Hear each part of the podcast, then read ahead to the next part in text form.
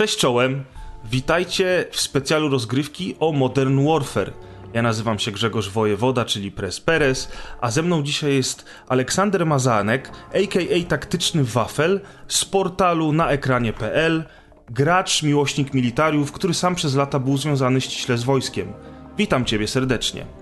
Cześć Grzegorzu, witajcie do, do, do słuchacze. Witajcie wszyscy, ponieważ dopiero co odbyła się premiera nowej części Call of Duty o podtytule Modern Warfare, który jest e, rebootem serii Modern Warfare, to chcieliśmy sobie powspominać starsze części, a także porozmawiać o najnowszej odsłonie. E, Call of Duty to jedna z najpopularniejszych serii strzelanek e, w historii gier komputerowych, która co roku bije rekordy popularności i zarabia krocie. W tym roku Modern Warfare również zarobiło ogromne pieniądze, ponieważ w ciągu pierwszych trzech dni od sprzedaży zarobiło 600 milionów dolarów i już od dawien dawna gry te bardzo często dosięgają takich progów kasowych, jakich do tej pory dosięgały tylko letnie blockbustery kinowe z Hollywood. Nie wiem, czy pamiętasz, Aleksander, że pierwszą tego typu grą, o której powszechnie mówiono w mediach, że zaczęła zarabiać tyle co filmy z Hollywoodu, było właśnie Modern Warfare 2 w 2009 roku.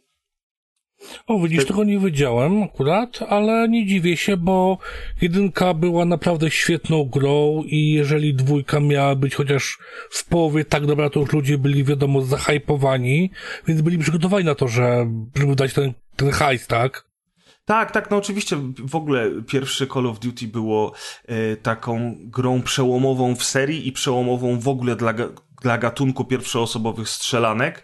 E, miało też bardzo popularny multiplayer, więc faktycznie e, sequel e, nie miał szans na to, żeby sprzedać się gorzej, dlatego że wszyscy po prostu pragnęli tego sequela. Ale słuchajcie, zanim przejdziemy do serii, serii Call of Duty, a właściwie do podserii Call of Duty o podtytule Modern Warfare. Wiem, skomplikowane to wszystko, ale musicie wiedzieć, że Call of Duty wychodzi od 2003 roku i e, w tym czasie wyszło 16 głównych części gry, plus jakieś jeszcze podczęści, wersje mobilne i nie tylko, więc trochę tego było.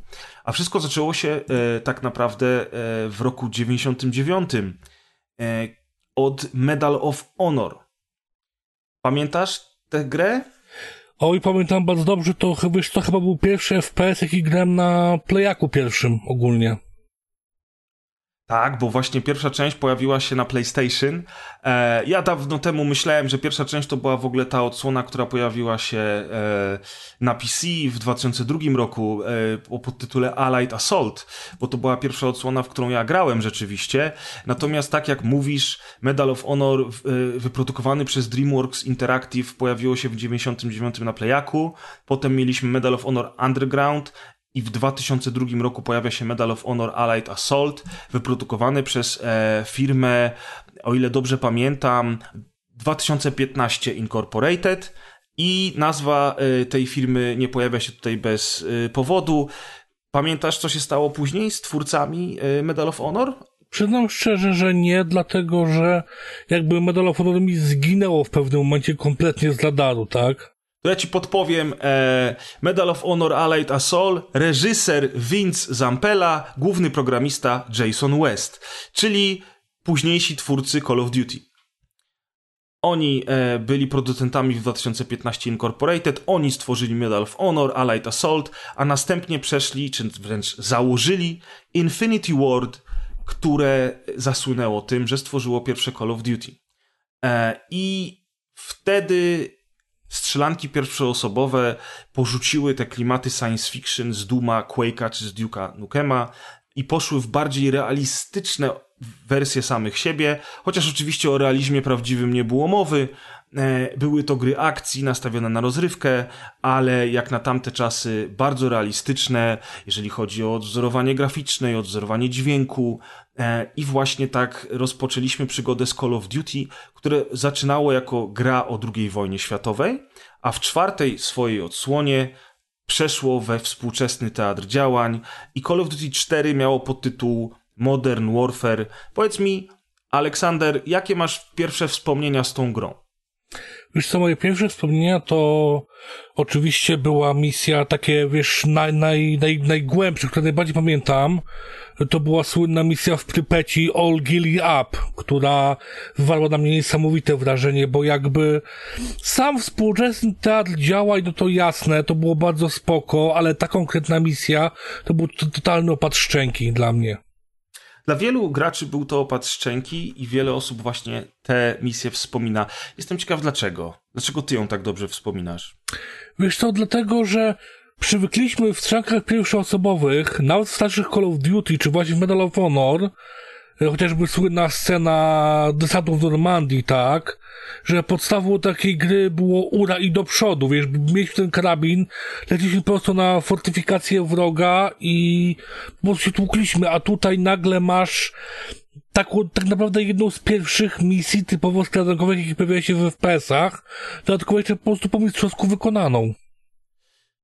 Tak i nie. To znaczy, oczywiście, że to było wykonane po mistrzowsku i faktycznie e, w natłoku tych oskryptowanych misji, gdzie na hura lecimy do przodu, jak chociażby w Normandii, e, chociaż tam w Medal of Honor akurat troszeczkę musieliśmy się e, też przekradać pomiędzy tymi zasiekami, ale tak oczywiście większość tego typu misji była na maksa misjami akcji, gdzie było mnóstwo wybuchów, strzałów i nikt się nie krył, e, a później właśnie w Modern Warfare pojawiły się tego typu misje, z czego Old Guild Up to jest misja najbardziej przez nas wszystkich zapamiętana. Natomiast w FPS-ach, jeżeli chodzi o skradanie, to wcześniej w 2000 roku pojawił się Project EG, I'm Going In. Nie wiem, czy pamiętasz tę grę.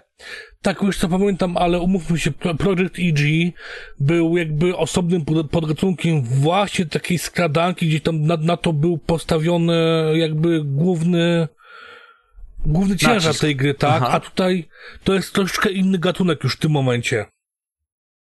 Tak, tak, oczywiście. No i faktycznie y, reżyseria tych misji to jest chyba to, co w Call of Duty zawsze było takie y, bardzo dobre, y, za co y, gracze kochali y, te gry i właśnie w Modern Warfare Infinity Ward dochodzi do perfekcji, e, tworząc dla nas zestaw różnorodnych misji, które dzie dzieją się w różnych e, terenach e, działań na świecie. E, wcielamy się w różne postaci, którymi kierujemy, obserwujemy akcje z wielu perspektyw i właśnie to tempo rozgrywki jest bardzo mocno E, przemieszane, dzięki czemu mamy bardzo e, takie mocne, e, jak to się mówi, epickie starcia, gdzie obserwujemy naprawdę duże tereny działań i zmagania wielu, wielu ludzi, ale mamy też skradankowe bardziej misje, bardziej takie ja bym powiedział, kameralne, jak właśnie ta misja w Prypeci. Swoją drogą w ogóle ta Prypeć w tej misji była przepięknie odwzorowana, nie sądzisz? Tak, zgadzam się. Jedynym momentem, kiedy widziałem lepiej odzorowane, a przynajmniej tak samo dobrze, to tutaj muszę powiedzieć, że to było w polskim Czernobylite, w którym aktualnie gram. Oj tak, to dlatego też, że w Czernobylite oni e, przede wszystkim e, zrobili tam zdjęcia, e, wszystkie te e, satelitarne i też zeskanowali cały ten teren, przenieśli do gry rzeczywiście prawdziwe miejsca z Prypeci. Troszeczkę... Tak troszeczkę w Call of Duty Modern Warfare y, te miejsca też, znaczy ta mapa przede wszystkim, bo to jest jedna mapa, y, też jakby wzorowana jest na, na, na, na, na prawdziwych y, miejscach stamtąd, ale nie wiem, czy to jest realistyczne odwzorowanie takie, wiesz, fotograficzne, dokładne, czy to nie jest tylko taka re, re, reimaginacja. Nie Myślę, wiem, że jeżeli jest to reimaginacja, to wyszło naprawdę dobrze. Czuć ten klimat. To prawda, to prawda i dlatego też pamiętamy w ogóle mapy, mapy w, w, w Modern Warfare były E, bardzo klimatyczne, ponieważ kampania e, działa się głównie na Bliskim Wschodzie i na terenach e, Europy Wschodniej, na terenach niby rosyjskich, to, to mapy w multiplayerze też takie były i one, i one były bardzo charakterystyczne i, i dlatego w najnowszej części do tych klimatów powracamy. Ale zanim przejdziemy do tego wszystkiego, ja bym chciał, żebyśmy teraz sobie tak troszeczkę przeszli przez oryginalną trylogię Modern Warfare od części 1 do 3 e, opowiedzieli sobie o fabule, opowiedzieli sobie o tym, jak e, na przestrzeni tych trzech gier zmieniała się wojna, którą obserwowaliśmy. I później pogadamy sobie chwilę jakby o militarnym aspekcie tej serii, o tym, jak zostały odwzorowane chociażby bronie, pojazdy, czy w ogóle takie rzeczy, które obserwujemy w grze, mm, są rzeczywiście czasami e, wykorzystywane przez wojsko, czy, czy takie misje mają miejsce gdzieś tam na świecie, a później oczywiście przejdziemy do multi, bardzo ważnego aspektu w tej serii, e, czy w ogóle w Call of Duty, a na sam koniec przejdziemy sobie do najnowszej części, czyli Call of Duty Modern Warfare z tego 2019 roku i w tym miejscu zaznaczam, że będą spoilery. To jest odcinek specjalny, a w specjalach spoilerów się nie boimy, więc jeżeli ktoś jeszcze nie grał, a chciałby zagrać, boi się e, spoilerów, to ostrzegamy. No i teraz tak, moi drodzy. Ja wam powiem tak, i tobie Olku również. Zawsze miałem problem z ogarnięciem fabuły w Modern Warfare. Dlatego, że to wszystko było dosyć zagmatwane. Teraz, przed tym odcinkiem specjalnym, przeszliśmy sobie obaj z Olkiem wszystkie części e, starej trylogii oraz oczywiście kampanię e, w najnowszej odsłonie. E, ja sobie poukładałem trochę te, te fakty do kupy. E, posiłkowałem się też e, Wikipedią, e, która opowiada całą historię Modern Warfare wszystkich trzech części i Przybliżymy sobie teraz wydarzenia, które miały tam miejsce, dlatego że z perspektywy najnowszej odsłony są to zgoła odmienne wydarzenia niż te, które obserwujemy w najnowszym Modern Warfare. Tak, ale należy zaznaczyć, że jeżeli przyjrzymy się uważnie, to tak naprawdę, gdyby nie pewne zmiany w postaciach, które uświadczyliśmy tutaj e, w nowym Modern Warfare, spokojnie mógłby uchodzić za prequel. Tak jest, dokładnie tak samo uważam e, i o tym też powiemy na samym końcu. E, I fajnie by było, gdyby to był prequel, ale no jednak jest to taki miękki reboot, do tego na pewno przejdziemy. E, pierwsza rzecz, o której chcemy e, powiedzieć, to to, że trylogia Call of Duty dzieje się w alternatywnej rzeczywistości. To nie jest nasza ziemia, którą my znamy. I układ sił, który w 2011 roku w serii Modern Warfare jest na Ziemi, jest jakby zupełnie obcym układem e, i to wszystko jakby jest na tyle odcięte od naszej rzeczywistości, że nie ma co analizować tego pod względem historycznym e, czy, czy, czy, czy geograficznym rejonu, w którym to się dzieje, bo, bo to jest po prostu fikcja. Czy zgadzasz się ze mną, czy, czy nie? Zgadzam się z tobą i też, też należy tutaj zaznaczyć, że w obecnym rebucie też poszli troszkę w innym kierunku tutaj. Tak jest, dokładnie tak. I, I dlatego o tym też wspominamy. No więc, moi drodzy, krótka e, taka będzie przebieżka przez fabułę Call of Duty. Call of Duty 4 Modern Warfare e, w 2011 roku rosyjscy ultranacjonaliści um, próbują dojść do władzy. I tutaj e, przy, pierwsza rzecz, która przychodzi, e, że tak powiem, mi do głowy, to jest ta odwieczna walka mm, USA i Rosji, znaczy odwieczna z naszej perspektywy, e, która trwa od początku zimnej wojny, czyli tak naprawdę od końca II wojny światowej, aż do dzisiaj. W 1989 roku ZSRR, ZSRR się rozpadło, zimna wojna się zakończyła, układ sił teoretycznie się zmienił, ale popkultura do dzisiaj żywi się tym wielkim konfliktem i do dzisiaj e, twórcy książek, filmów, gier i komiksów wymyślają kolejne to sposoby na to, żeby te dwa wielkie mocarstwa stanęły naprzeciw siebie. I to się dzieje właśnie w Modern Warfare.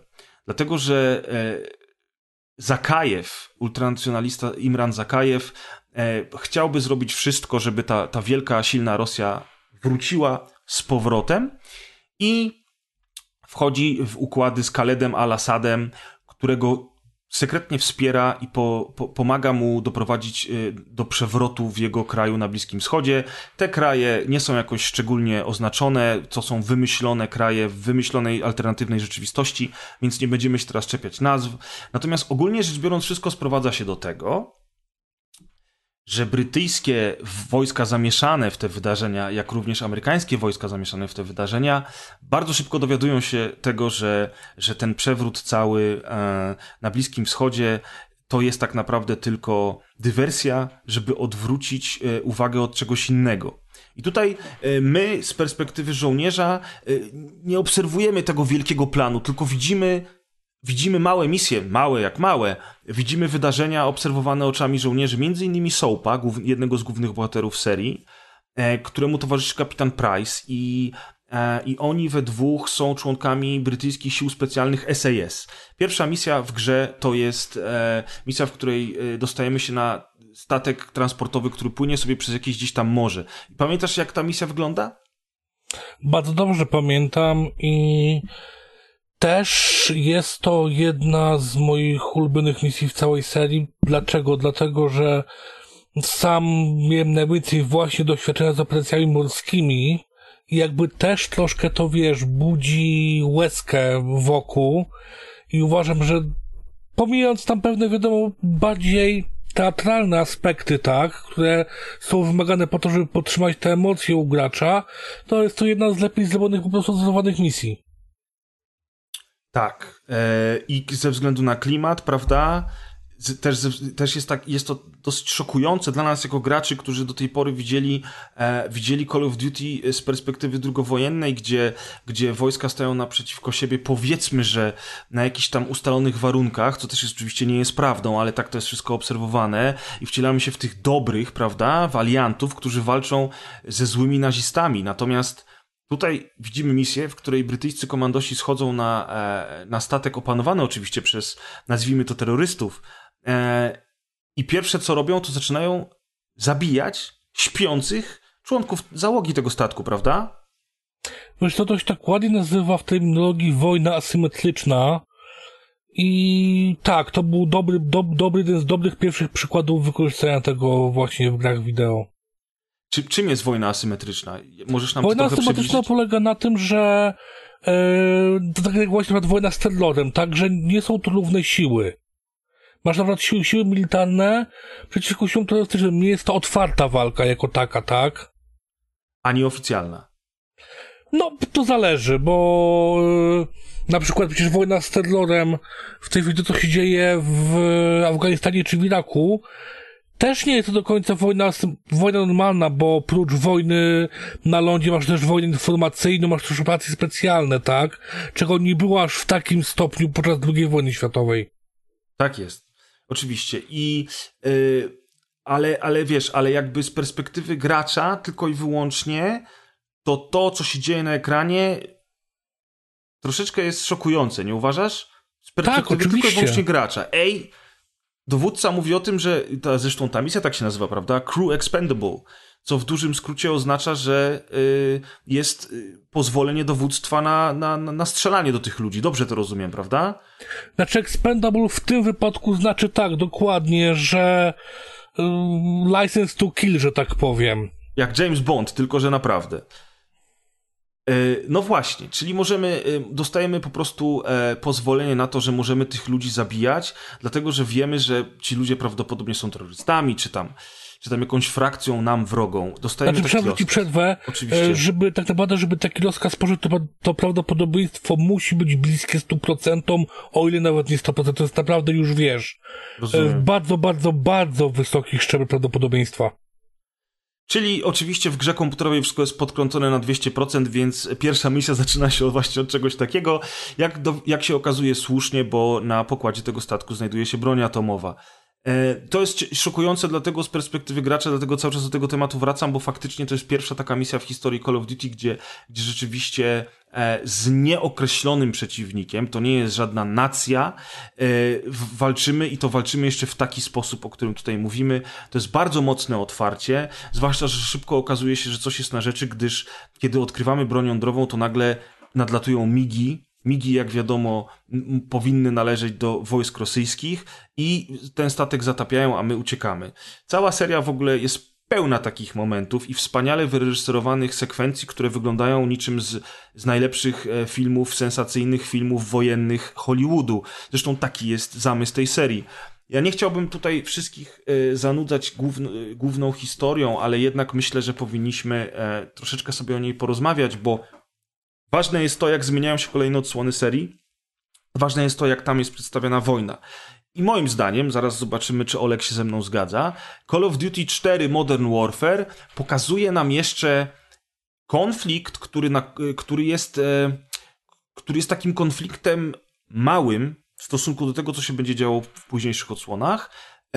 Obserwujemy zmagania e, komandosów brytyjskich, którzy dokonują tajnych operacji, ale obserwujemy też zmagania e, wojsk e, Marines amerykańskich, którzy zostają wysłani na Bliski Wschód do tego państwa, w którym doszło do, do, do przewrotu, żeby, żeby sytuację opanować, prawda?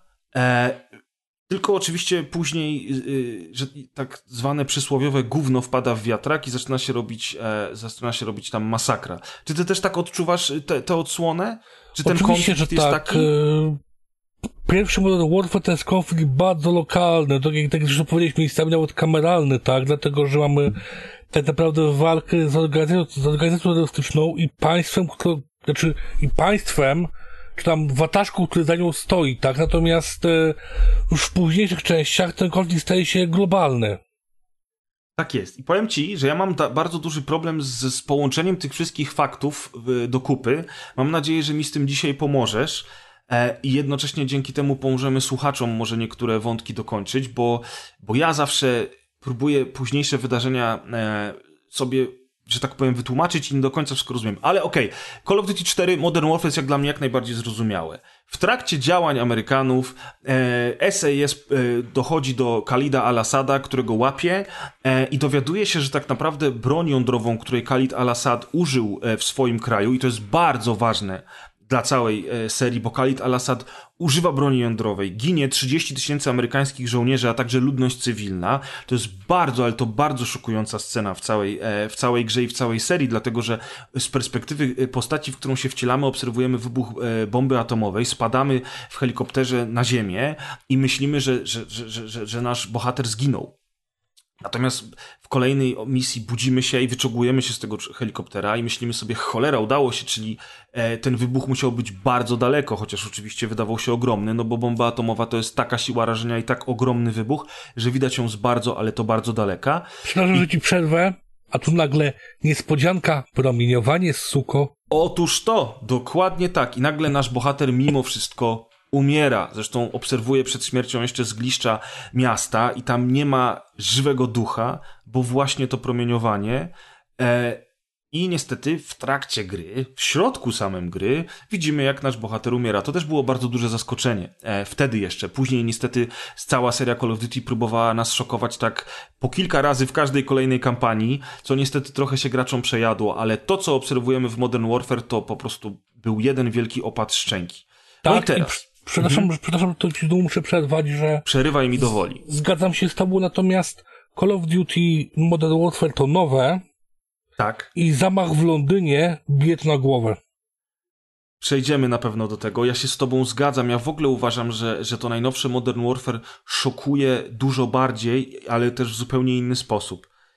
Tak, ale do tego przejdziemy oczywiście. I teraz tak. Mamy sytuację, w której doszło do użycia broni jądrowej, brytyjscy komandosi łapią e, Al-Assada i kiedy dowiadują się, że za wszystkim stoi Imran Zakajew, zabijają Al-Assada, nie jest już im potrzebny, teraz trzeba dorwać Zakajewa. W związku z czym e, wszyscy łączą siły, mamy więc brytyjskich komandosów, sierżanta Grixa e, z wojsk e, marynarki wojennej amerykańskiej, plus jakiś tam nie, jeszcze... Nie, nie myl marynarki wojennej z Marines. To dwie osobne rzeczy. Okej, okay, czyli Marines po polsku to będzie? Piechota morska. Piechota morska, oczywiście, że tak. Dlatego do, dzisiaj tu jesteś ze mną, żeby mnie poprawiać. Właśnie dziękuję Ci ślicznie. Więc sierżant Griggs jest z piechoty morskiej. Generalnie rzecz biorąc, w dużym skrócie, żeby dostać się do Zakajewa, Zakajew okazuje się w ogóle ultranacjonalistą, którego kapitan Price, główny bohater serii, zna od dawien dawna, bo właśnie w tej pięknej misji w Prypeci, o której już mówiliśmy, kapitan Price e, znajduje się po to, żeby Zakajewa zastrzelić. Zakajew jest po prostu e, wpływowym handlarzem broni i wrogiem dla, dla, dla, dla tych krajów, dla których pracuje Price, czyli głównie dla Wielkiej Brytanii. Niestety ten zamach się nie udaje, Zakajew traci rękę, no i gdzieś tam znika. Teraz pojawia się znowu, wynurza się, że tak, na, że tak powiem, na mapie geopolitycznej świata. Musimy go dorwać, my, czyli, czyli bohaterowie gry. E, w trakcie próby dorwania Zakajewa łapiemy jego syna, żeby go przesłuchać. Syn popełnia samobójstwo, w związku z czym Zakajew się bardzo, ale to bardzo złości. I tutaj powiem ci, jest pierwszy problem, który ja mam z pierwszym Modern Warfare. Jestem ciekaw, co ty na ten temat myślisz. E, no bo Zakajew ma jakiś cel. My tego celu zupełnie nie znamy. I tak naprawdę chyba nigdy go nie poznamy, dlatego że Zakajew ostatecznie ginie pod koniec pierwszej gry Modern Warfare. E, I on, żeby osiągnąć ten cel, wspiera e, pucz wojskowy, czy tam przewrót w jakimś kraju na Bliskim Wschodzie, żeby odwrócić uwagę Amerykanów, e, żeby w ogóle odwrócić uwagę wszystkich, ale jak, jak okazuje się, że, że ludzie dochodzą do tego, co się dzieje, skąd jest ta broń jądrowa, kto stał za tym wszystkim, to, to, to, to nagle, kiedy, kiedy, kiedy te wojska łapią jego syna, jego syn popełnia samobójstwo, Zakajew postanawia się zemścić. Jest tak wściekły, że zabili mu tego syna, że postanawia się zemścić. Co jest o tyle dziwne, że ej, okej, okay, on od 20, jak nie 30 lat jest y, handlarzem bronią, y, prowadzi jakieś, wiesz, brudne brudne sprawy, ma swoich y, popleczników, którzy razem z nim chcą przejąć władzę w Rosji i on nagle się tak wścieka, że mu tego syna zabili, że pierwsze co robi, to dostaje się do, do, do, do, do jakiejś rosyjskiej placówki, skąd wystrzeliwuje pociski jądrowe. I tutaj jeszcze ważna rzecz, o której nie wspomniałem, a która jest ważna w kontekście nowego Modern Warfare. Ultranacjonaliści to są separatyści. Oni chcą przejąć władzę, ale rząd rosyjski jest im przeciwny przez cały Modern Warfare w pierwszej części gry rząd rosyjski pomaga e, e, zachodnim e, żołnierzom, prawda? Tak, przy okazji tworząc jeden z lepszych postaci w serii. Makarow? Na myśli Kamarowa i potem Julia. Kamarow, racja, bo Makarow to jest zły. E, tutaj, tutaj przestawiłem trochę Bądź literki. tak, oni też się non-stop mylą. Tak, no bo Makarow, Kamarow. Do Makarowa jeszcze przejdziemy. Kamarow rzeczywiście jest jedną z, z, takich ważnych postaci Call of Duty 4 Modern Warfare. Sierżant zresztą, Kamarow. Tak, Natomiast to... nie zgodzę się do końca z tobą, dlatego że widzisz tutaj kwestia tej wściekłości Zakajewa i tak dalej, tak? To też może być, i moim zdaniem przynajmniej tak jest, to jest kwestia oddania kultury, bo jednak kultura rosyjska, ta kultura bliskowschodnia jest troszeczkę inna i, na, i wiesz, gdzie tam rodzina jest naprawdę bardzo, bardzo, bardzo wysoko w całej hierarchii, tak? Okej. Okay. I wiesz, priorytetów. Okej, okay, czyli, czyli według ciebie właśnie te przesłanki kulturowe powodują, że zachow, zachow, zachowanie, już mi się miesza język, bo mam powiedzieć zachowanie Zakajewa, y, czyli zachowanie Zakajewa y, w ten sposób jest wytłumaczone. No okej, okay, Po części przynajmniej tak, bo wiadomo, że no to, co zrobił, to lekko przesadził, ale Lekuchno. Mam, mam wrażenie, że owszem, że tak, że to rzeczywiście byłoby już podyktowane troszkę innymi jednak e, priorytetami kulturowymi. Okej, okay, okej, okay, kupuję to, kupuję to jak najbardziej. Finał jest taki, że oczywiście te rakiety w powietrzu rozbrajamy, one spadają sobie gdzieś prawdopodobnie do morza yy, i uciekamy z tej, z, tej, z tej placówki, goni nas Zakajew i jego najemnicy. Yy, w trakcie tej ucieczki ginie niestety sierżant Griggs, ale ginie też Gaz. Jeden z naszych towarzyszy, który, który pojawia się od samego początku gry i jest prawą ręką kapitana Price'a. E, Griggs i Gaz to są dwie takie postacie, które w serii giną na naszych oczach i których będzie nam brakowało. Jest to dosyć szokujące. Griggs ginie broniąc nas, czyli Soapa, e, a, a, a Gaz niestety ogłuszony po wybuchu ciężarówki e, jest centralnie na naszych oczach zastrzelony przez Zakajewa. Kiedy wydawałoby się, że, że, że z nami też będzie koniec, Mm, otumaniony Price daje radę podrzucić nam pistolet, my ten pistolet chwytamy, zabijamy Zakajewa i w tym momencie przylatują wojska rosyjskie, które resztę tych najemników e, eliminują, bo jak już powiedzieliśmy, są one w sojuszu z nami, wszyscy chcemy dobrze, wojna dobiega, znaczy to nie jest wojna, czyli, czyli tylko ten lokalny konflikt, dobiega końca. I na napisach końcowych słyszymy bardzo, ale to bardzo ważną rzecz, którą mówi pani spikerka w wiadomościach jej wypowiedź brzmi w ten sposób, że tak naprawdę e, te rakiety to były testy, a o całej reszcie się w ogóle nie wspomina. Oczywiście ta atomówka, która wybucha na Bliskim Wschodzie, to jest coś, o czym wszyscy wiedzą, ale, ale też w taki brutalny sposób wydaje mi się, że media zachodnie ignorują ten fakt. No, gdzieś tam zginęli ludzie w jakimś, wiesz, małym kraju na Bliskim Wschodzie, kogo to obchodzi. Natomiast napisy końcowe sugerują, że wszystko inne, co się wydarzyło w tej grze, zupełnie umknęło opinii publicznej. Dobrze pamiętasz to? Dobrze mówię? Tak, wiesz co, ale to nie chodzi o ignorowanie i to nie chodzi o umykanie. Weź, weź pod uwagę to, pomyśl sobie, owszem, gdyby nie zażynali tego kryzysu, wiadomo, żeby to ujrzało światło dzienne, ale pomyśl sobie, jaką panikę by to mogło wywołać. To, że coś takiego w ogóle miało miejsce. No, masakryczną ja, ja, panikę. Ja tutaj, nawet nie mówię, ja tutaj nawet nie mówię o panice e, takiej wśród normalnych cywili jak ty czy ja, tak? Okay. Ale masz tutaj załamanie rynków giełdowych. Masz tutaj, wiesz, po prostu koszmar ekonomiczny, koszmar logistyczny, transportowy. Poruszania się, wiesz, po, po świecie, tak? Komunikac komunikację, wszystko w tym momencie się wali ze strachu. Okej, okay, okej, okay. czyli, czyli znowu, e, znowu, że tak powiem, twoje, e, twoje tłumaczenie do mnie przemawia i jestem w stanie uwierzyć w to, że, jakiś, że jakieś większe siły e, są za tym, żeby większość tych wydarzeń e, po prostu, po prostu e, utajnić, prawda? Przecież zobacz na przykład taki kryzys e, kubański, tak? Ile lat tak naprawdę po fakcie my się dowiedzieliśmy o tym, coś naprawdę stało. No, to jest dobry, to jest, to jest dobry przykład. Masz rację. Przecież świat nie wiedział, że przez te kilka dni yy, nam groziła zagłada atomowa. Tak, wisieliśmy, wisieliśmy na włosku, na włosku końca świata, to się zgadza. Znowu, znowu nie przekonałeś. Znowu po, po, powtarzam, dlatego tu jesteś właśnie, żeby podzielić się z nami e, swoimi spostrzeżeniami. E, I teraz pozwól, że przejdziemy do e, Modern Warfare 2. E, w tym momencie w ogóle ja mam takie małe spostrzeżenie, że Call of Duty 4 miało podtytuł Modern Warfare, bo wydaje mi się, że nikt nie planował robić z tego trylogii, ale w momencie, kiedy Modern Warfare po prostu przebiło w sufit e, i okazało się tak bardzo popularne, twórcy postanowili zrobić sequel, e, w związku z czym seria Call of Duty przestaje być numerowana od tego momentu bo po pierwszym Modern Warfare wyszło Call of Duty World at War robione z kolei przez Treyarch, potem wychodzi Modern Warfare 2, potem wychodzi Black Ops znowu robione przez Treyarch. Zaczyna się ten cykl różnych studiów tworzących co roku, a później co dwa lata nowe odsłony serii. No i właśnie dostajemy e, w roku 2009 dostajemy Call of Duty Modern Warfare 2.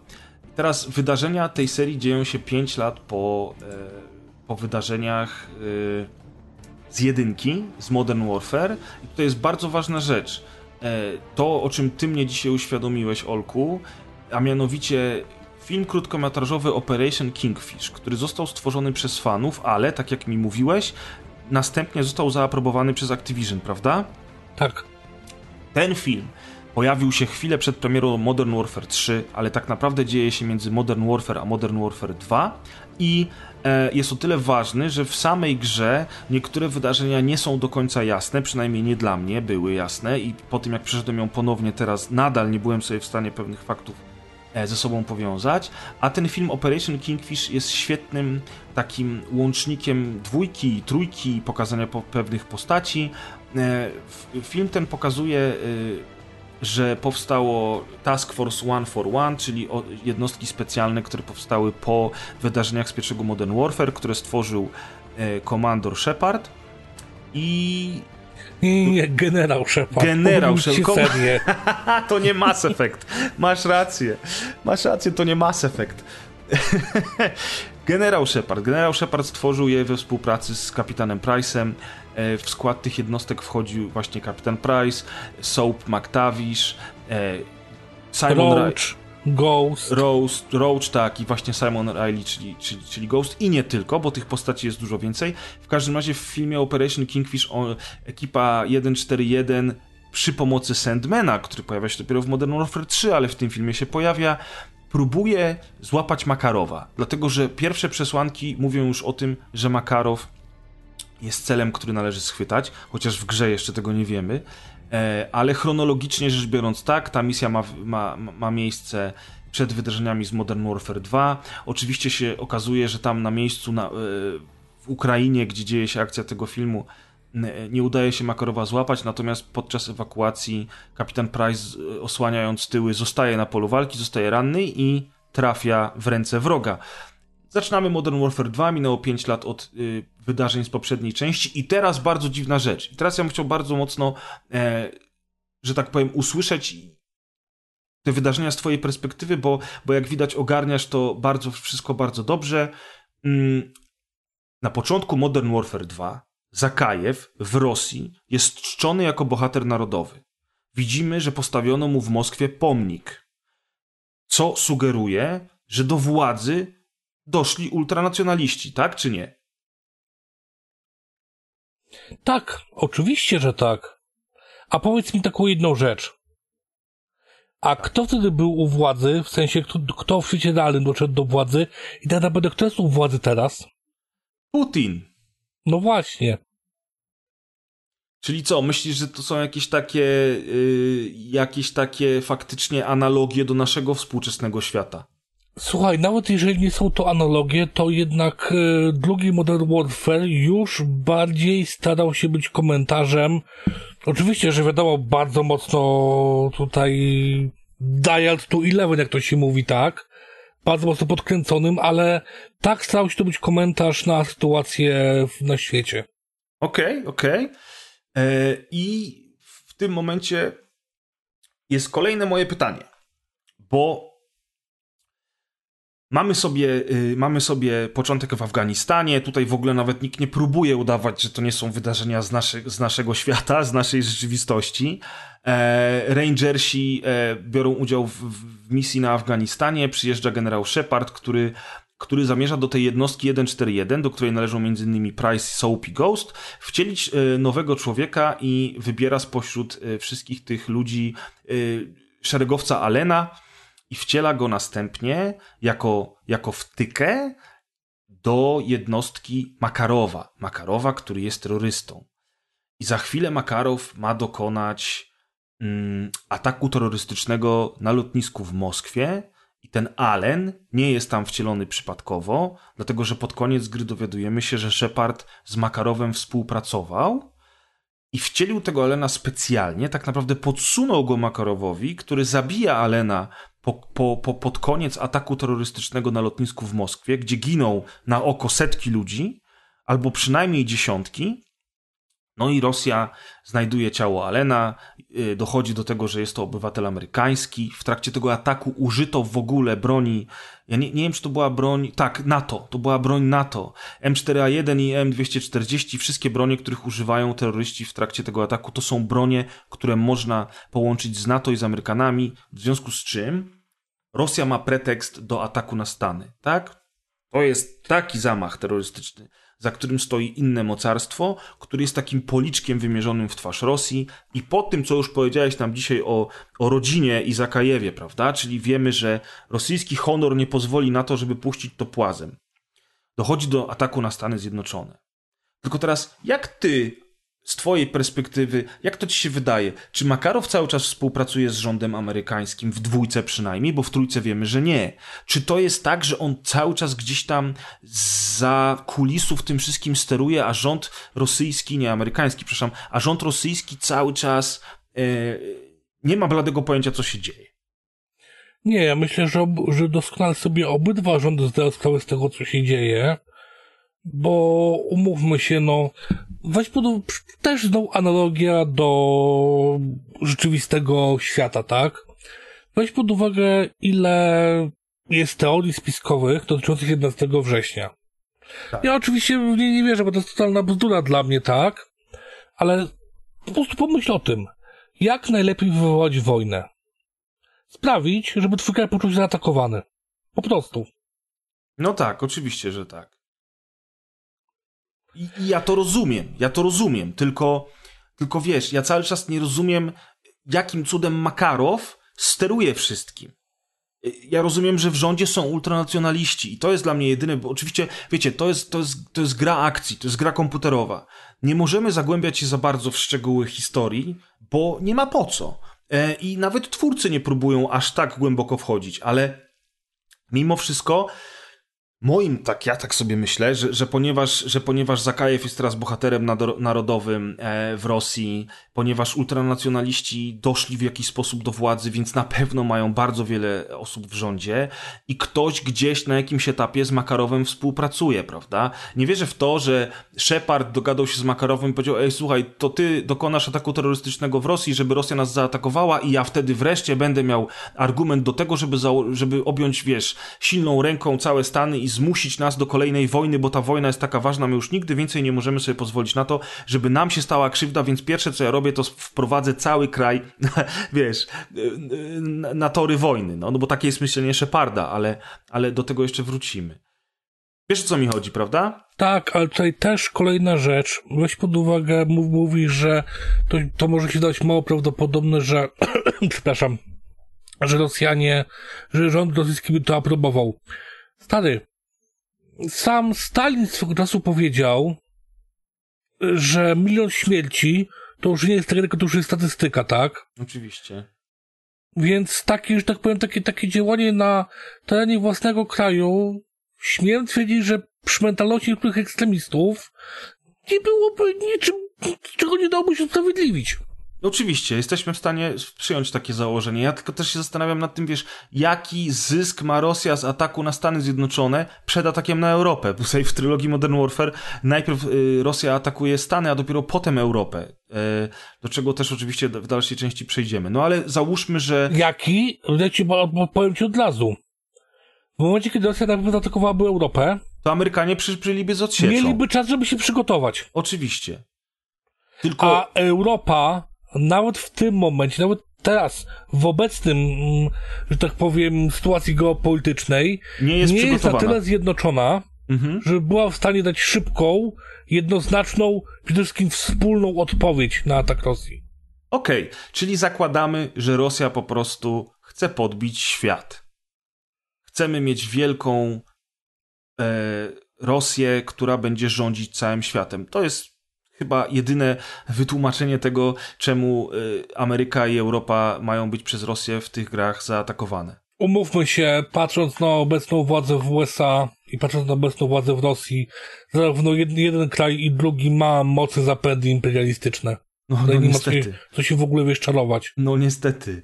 Niestety mają i trochę wydaje mi się z perspektywy czasu, że, że tamta, tamta trylogia Modern Warfare delikatnie przewidywała pewne zapędy właśnie te przyszłościowe, które wtedy były przyszłością, a teraz są dla nas niestety rzeczywistością. Ale wracając do tego kina akcji Modern Warfare, to z grubsza e, w dwójce e, następuje atak wojsk rosyjskich na, na USA. I ja chciałem e, powiedzieć, że z mojej perspektywy to jest niesamowite przejście po tym, co widzieliśmy w Modern Warfare, dlatego że tam widzieliśmy wschodnie tereny rosyjskie, gdzie siły specjalne zmagają się z rosyjskimi separatarystami. Jest jakaś Prypeć, jest jakiś Bliski Wschód, gdzie wiadomo, że wszyscy tam walczą i wojna się nigdy nie kończy. I nagle, ni stąd, ni zowąd, obserwujemy wojnę na terenie tego bezpiecznego, pięknego kraju, jakim jest USA, i nagle wojska rosyjskie walczą z wojskami amerykańskimi, amerykańskimi przepraszam, na uliczkach przedmieść pośród pięknych trawników, dwupiętrowych domków i trochę, trochę żartobliwie, ale jednak trochę na serio jest misja, w której mamy obronę McDonalda. Właśnie tam... chciałem, chciałem, chciałem dodać, że i bronimy tego McDonalda jak kurwa e, jak kościoła.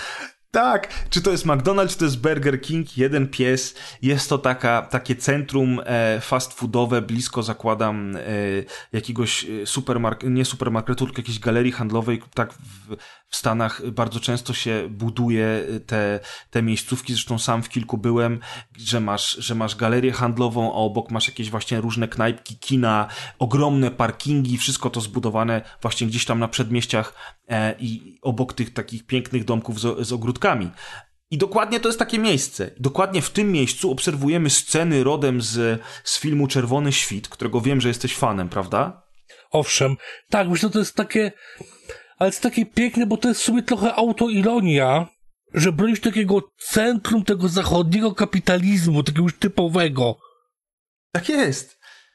Tak jest, ale to też jest, ale to też jest pokazanie tego, że, że to jest pokazanie tego, że w dzisiejszym współczesnym, bezpiecznym świecie, gdzie każdy ma miejsce na parkingu, żeby zaparkować obok McDonalda, gdzie, gdzie wszyscy mają równo przystrzyżone trawniki, że, że tak naprawdę jak gówno wpadnie w wiatrak, to to nikt nie będzie na to gotowy. I zobacz, co się dzieje. Dostajemy, dostajemy trzecią wojnę światową, bo tak naprawdę w tym momencie wybucha trzecia wojna światowa pod własnym nosem. A mówimy my, no bo wiadomo, że Call of Duty to jest seria skierowana głównie do Amerykanów i tworzona przez Amerykanów. Więc z ich perspektywy takie coś jest absolutnie nie do pomyślenia. I twórcy gry nagle pokazują, że hej, z grubsza to byłoby to możliwe. I teraz mam pytanie do ciebie. Byłoby to możliwe czy nie? To aż taka inwazja nie wydaje mi się. E, współczesny wywiad, kontrwywiad to wszystko działa na takim poziomie, że właściwie cię, wiesz, to jest tak naprawdę, mm, tutaj, tutaj wtrącę się alegorią do serii Metal Gear Solid. Okej. Okay. Muszę, przepraszam. Ależ proszę bardzo. E, gdzie tam wyraźnie jest e, w jednej z części, właściwie w każdej części jest tłumaczone, że broń nuklearna jest straszakiem, tak? Że po prostu każda strona boi się, że jedna, że druga, że druga użyje broni nuklearnej. Tak samo tutaj masz taki poziom informacji, dezinformacji, walki na poziomie białego wywiadu, czyli właśnie, wiesz, tych e, takiego ukrywania w przekazach medialnych i tak dalej, że naprawdę ciężko byłoby którejkolwiek stronie tą drugą zaskoczyć. Tak, tutaj w Modern Warfare 2 to jest wytłumaczone dlatego, że y, na ziemię po stronie rosyjskiej spadł amerykański satelita. Nie jest powiedziane, czy Rosjanie go strącili, ale on spadł. I teraz właśnie kapitan McTavish, już kapitan w dwójce, nasz dowódca w 141 zostaje wysłany razem z Roachem, w którego my się wcielamy, o ile dobrze pamiętam, na Syberię, to są tereny, tereny syberyjskie, do, tak. do bazy wojskowej rosyjskiej, żeby zniszczyć te, e, te podsystemy, które w satelicie się znajdowały. I nam to się udaje zrobić. My niszczymy tego satelitę i uciekamy stamtąd, zresztą na skuterach śnieżnych, strzelając z broni, jadąc skuterami, skacząc nad przepaściami. Mega, mega oczywiście akcja, wybuchy, piękne sceny, wiadomo, kino akcji i myślimy, że wszystko jest w porządku. Gra sensownie tłumaczy to, że nam się tylko wydawało, że myśmy zdążyli zniszczyć tego satelitę przed tym, zanim Rosjanie wyciągnęli z niego wszystkie odpowiednie dane, ale okazuje się, że oni te dane wyciągnęli i oni po prostu w ten sposób rozszyfrowali systemy zabezpieczające amerykańskie, to znaczy na radarach amerykańskich samoloty rosyjskie pojawiły się dopiero wtedy, jak już po było za późno. Oszukali transponder, dokładnie. Wiesz co, tak. wydaje mi się to średnio możliwe, ale też tak jak mówisz, to jest tylko gra, więc przyjmijmy, że tak to, że tak to u nich działa, no. No musimy tak przyjąć, prawda? Tam ludzie jeżdżą na skuterach i strzelają z pistoletów naraz. Wiesz o co chodzi. Więc, więc okej, okay, zakładamy, że taka filozofia jest możliwa. Zresztą zgadzamy się obaj, że na potrzeby grę, gry jest to absolutnie akceptowalne przez nas. Z grubsza późniejsza historia pokazuje, jak Soap z ekipą ratują z gułagu e, e, Price'a, i, I jego tym... legendarne wąsy. I jego legendarne wąsy, dokładnie. My o tym nie wiemy, kogo ratujemy na początku, bo, bo, bo mówi się tylko, że ratujemy więźnia numer 627, którego nienawidzi Makarow i jest jakieś takie dziwne, naiwne myślenie, że po wywołaniu wojny, III wojny światowej uda się Makarowa wywołać z kryjówki, jak dowie się, że ten więzień 627 y, wyszedł na wolność, bo może faktycznie, tak jak ty już powiedziałeś, ten honor, ta rodzina rosyjska to jest taka silna rzecz, że zmotywuje go do działania, a Makarow nienawidzi nienawidzi Price'a i całej ekipy zresztą Price'a, dlatego że, że zabili oni właśnie Zakajewa. No i my ratujemy tego kapitana Price'a. Wojna y, w Ameryce, zwłaszcza w stanie Virginia, bo tam obserwujemy wydarzenia, y, ma się w najlepsze. Waszyngton jest praktycznie zdobyty i Amerykanie chcąc jakby powstrzymać y, natarcie tych wojsk rosyjskich, mają zbombardować dywanowo. Dobrze mówię, prawda? Bombardowanie dywanowe. Tak mają zbombardować cały Waszyngton, więc nasi bohaterowie, amerykańscy żołnierze próbują zrobić wszystko, żeby do tego nie doszło. Próbują przejąć, e, odbić Waszyngton, a następnie odpalić zielone flary, żeby tam wszędzie, gdzie są wojska amerykańskie na dachach i nie tylko pokazać, że, że jeszcze tu jesteśmy, jeszcze walczymy, jeszcze żyjemy. Dlaczego tak się dzieje? Dlatego, że Price razem z ekipą ładują się do bazy wojskowej rosyjskiej. Price wchodzi do łodzi podwodnej i wystrzeliwuje z tej łodzi podwodnej e, atomówkę w stronę Ameryki. To jest atomówka, znowu wraca motyw bomby atomowej, już trzeci raz w historii seria, przecież mam, jesteśmy dopiero w połowie trylogii. Teraz wytłumaczmy jedną rzecz. Gdyby to była rakieta y, kontynentalna, bo tak się nazywają te rakiety, prawda? Międzykontynentalne albo interkontynentalne, o ile dobrze mówię. Tak, zgadza się. Zgadza się, prawda? Mhm. Gdyby ona miała w sobie y, ładunek EMP, czyli ładunek elektromagnetyczny, który niszczy maszyny i wybuchła, to ja bym to zrozumiał. Ale z tego, co ja rozumiem, to w Modern Warfare 2 Price wystrzeliwuje normalnie broń atomową. Tylko wysadza ją na, w atmosferze albo nad atmosferą. W górnych częściach atmosfery, jednocześnie niszcząc ISS przy okazji, tak. Niechcący. Ale Po co on to robi? On wie, że ten ładunek elektromagnetyczny zniszczy wszystkie maszyny pod spodem? Mam takie wrażenie, wiesz, że on to zrobił dokładnie po to, żeby yy, po prostu wywołać yy, to, to zniszczenie i dać przewagę drobną Ameryce, bo jednak weź pod uwagę to, że w momencie, kiedy niszczymy ten sprzęt, tak, Rosjanie nie mają, zarówno Amerykanie, jak i Rosjanie nie mają komunikacji. Tak. To jednak Amerykanie walczą na swojej ziemi, więc A, mają tą przewagę. Absolutnie się z tą zgadzam, kompletnie to rozumiem, ale jakim cudem atomówka zdetonowana w górnej części atmosfery wywołała ładunek elektromagnetyczny? Tego nie rozumiem. I to mnie zawsze to... zastanawiało w Modern Warfare. Co tam się odstawiło, że poszło to EMP, skoro to była zwykła atomówka, pocisk z ładunkiem nuklearnym, a nie EMP? E, wiesz co, yy, po pierwsze wydaje mi się, tutaj nie chcę gadać bzdur, ale wydaje mi się, że Tak zwana, właśnie... my to zawsze nazywamy na rozgrywce tezą z dupy, także proszę cię znaczy, bardzo, zapodajmy. Znaczy moja, moja teza z dupy jest taka, bo nie, nie pamiętam dokładnie, że właśnie chyba pe pewne wybuchy są w stanie wywołać impuls elektromagnetyczny. Okay. To jedno. A dwa, możliwe byłoby to, teraz pomyśl o tym, że impuls elektromagnetyczny był tym, który tą atomówkę wyłączył. Że EMP było zabezpieczeniem przeciwko, przeciwko właśnie już tej atomówce, tak jakby okay, okay, safe Czyli on ją puszcza? pod uwagę to, że do, na odpowiedniej wysokości to pierdolnęło za przeproszeniem. Tak, tak jest. To miało większy zasięg.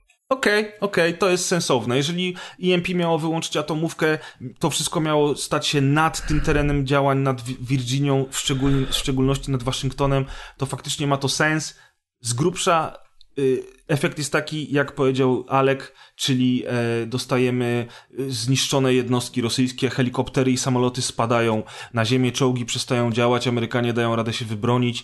Nie dochodzi do tego bombardowania dywanowego e, i nie jest to koniec wojny na terenie USA, natomiast w tym momencie wszyscy bohaterowie nasi mogą odetchnąć z ulgą, poza oczywiście ekipą 141, e, która szuka Makarowa. I wie, wiedzą oni, że Makarow może być w jednym z dwóch miejsc, E, do jednego miejsca wysyła się Roacha i Ghosta, a do drugiego do Afganistanu na, na składowisko starych zużytych maszyn e, jedzie Price i Soap. Mm, Roach i Ghost w willi Makarowa e, zastają pułapkę, ale mimo wszystko udaje im się zdobyć pliki i ważne informacje, które mają tam dotyczyć Makarowa. Jak wiemy już, dotyczą one też Sheparda i całego układu, który między nimi dwoma jest. W związku z czym przylatuje Shepard i morduje Ghosta i Roacha.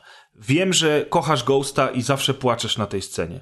Tak, tak, Simon Ghost Riley, e, zwłaszcza o przydaniu komiksu, tak, zresztą polecam, komiks nazywa się po prostu Modern Warfare 2 Ghost, okay. to jest sześć krótkich zeszytów, jeżeli kiedyś gdzieś dowiecie, naprawdę polecam, polecam po prostu poszukać tego, e, no Ghost jest po prostu moją ulubioną postacią w tej całej serii bezapelacyjnie. Ale dlaczego? Czy on nie jest trochę jak Boba Fett w Gwiezdnych Wojnach? To znaczy jest go strasznie mało, ale fajnie wygląda, więc wszyscy go kochają. Ja mam takie wrażenie. Wiesz co, zgodziłbym się z tobą właśnie, gdybym znał tylko historię z gry, tak? Okej, okay, czyli ten komiks jest aż tak dobry. Tak. Okej, okay, będę musiał go przeczytać, bo przyznam się szczerze, nigdy go nie czytałem.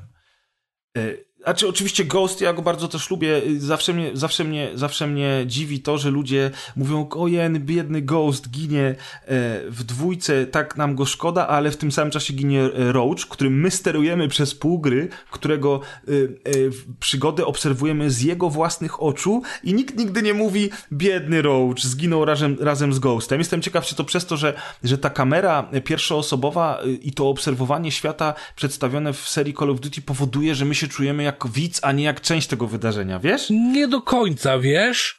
Tylko, że przez to, że nasza postać często jest, znaczy może nie jest niemową, ale ma kwestie bardzo ograniczone, tak? Nie, on, oni wszyscy są praktycznie niemowami, jeżeli sterujemy nimi z oczu. To oni się wtedy nigdy nie odzywają w tamtej trylogii. Ale coś, coś tam generalnie jednak o nich wiemy. No wiemy o nich, oczywiście, że wiemy. Przede wszystkim coś z tych przerywników między mamy. misjami, nie? Z tych takich tak, ekranów tak. ładowania. Ale jednak, już to przez to, że...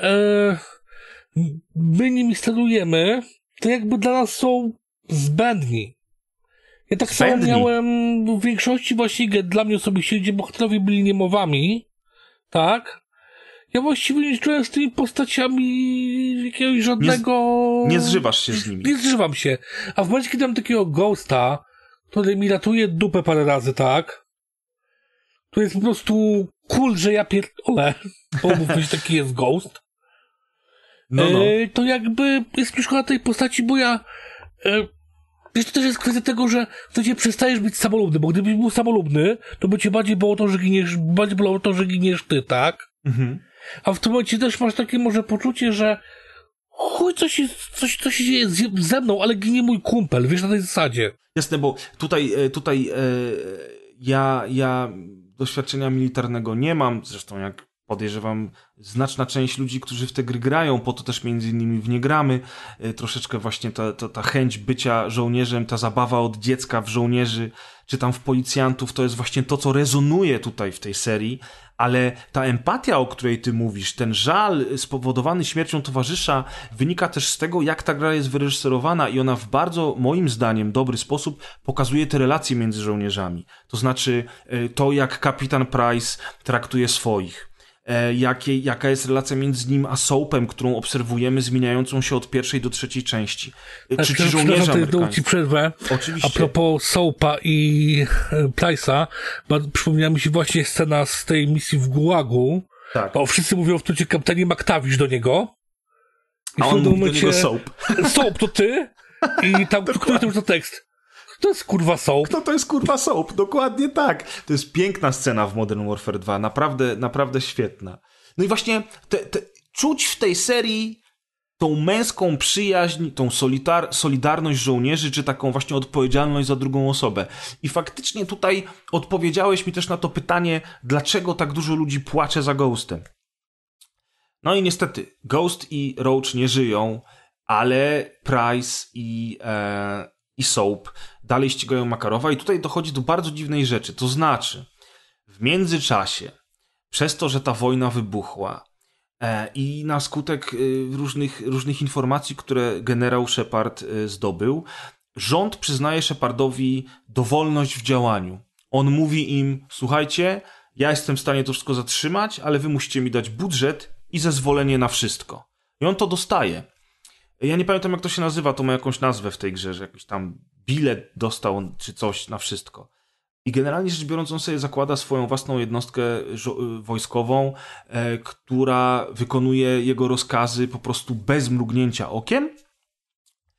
No i dlatego Shepard właśnie próbuje teraz zam zamazać e, ślady, próbuje pozbyć się wszystkich, wszystkich ludzi, którzy mogą cokolwiek wie wiedzieć, dlatego też zabija Ghosta i Roacha e, i dlatego też wysyła swoje wojska na wojska Makarowa. Oni mieli do niedawna sojusz, ale teraz, kiedy Shepard dostał to, czego chciał, czyli władzę absolutną militarną, musi się pozbyć wszystkich świadków. I w tym momencie my trafiamy y, na miejsce, gdzie walczą ze sobą jedni z drugimi, kontaktujemy się z Makarowem, no i Makarow przyparty do muru e, decyduje się, żeby powiedzieć nam o tym, gdzie mamy szukać Sheparda. Więc Price i Soap Sheparda szukają, dochodzi do pogoni, e, na końcu zestrzeliwują oni helikopter Sheparda, który runie e, na ziemię, ale Price i Soap, ponieważ w ogóle to jest moim zdaniem najgłupsza misja w całej trylogii, oni ścigają ten helikopter na motorówce, wiecie, na takim, na takim pontonie, który ma silnik elektryczny. Czy ta motorówka twoim zdaniem byłaby w stanie tak długo jechać za tym helikopterem? Wiesz co, Zodiaki, bo to, to jest ponad typu Zodiak, okay. no zasięg mają całkiem spory. Czy aż tak duży? Hmm. No, no mógłbym się spierać, ale no potrafi to zapierdalać, już tak powiem. No dobra, ale jak strzelają do nich helikoptery, ludzie z innych łódek i na przykład, nie wiem, parę kul trafiło w tego Zodiaka, to myślisz, że on, on by dalej był w stanie płynąć? One są tak wiesz, zrobione? Wiesz, zależy ile trafili przedziałów, bo w tej chwili większość Zodiaków ma tak, że jeżeli powiedzmy, jak, ma, jak masz ten ponton, te, ten rękaw, tak? Mhm. On ma przedziały. Jeżeli ktoś przedział dostanie, to on się zwykle automatycznie od, od innych oddziela. Ale jaja. W sensie masz, masz, że tak powiem, zawody i jak tam uchodzi powietrze, to przez to, że on wciąga powietrze, on blokuje pozostałe przedziały. Rozumiem. No to fajna rzecz, nie wiedziałem o tym absolutnie. Czyli okej, okay, czyli, czyli znowu to nie jest aż takie głupie, jak mi się wydawało. Coś znaczy jest naciągane dalej, jest, ale jest, nie jest, no, tak. Wiadomo, że jest naciągane, no ale, ale mimo wszystko zobacz, proszę bardzo. E, ta, taki research zrobili twórcy Call of Duty.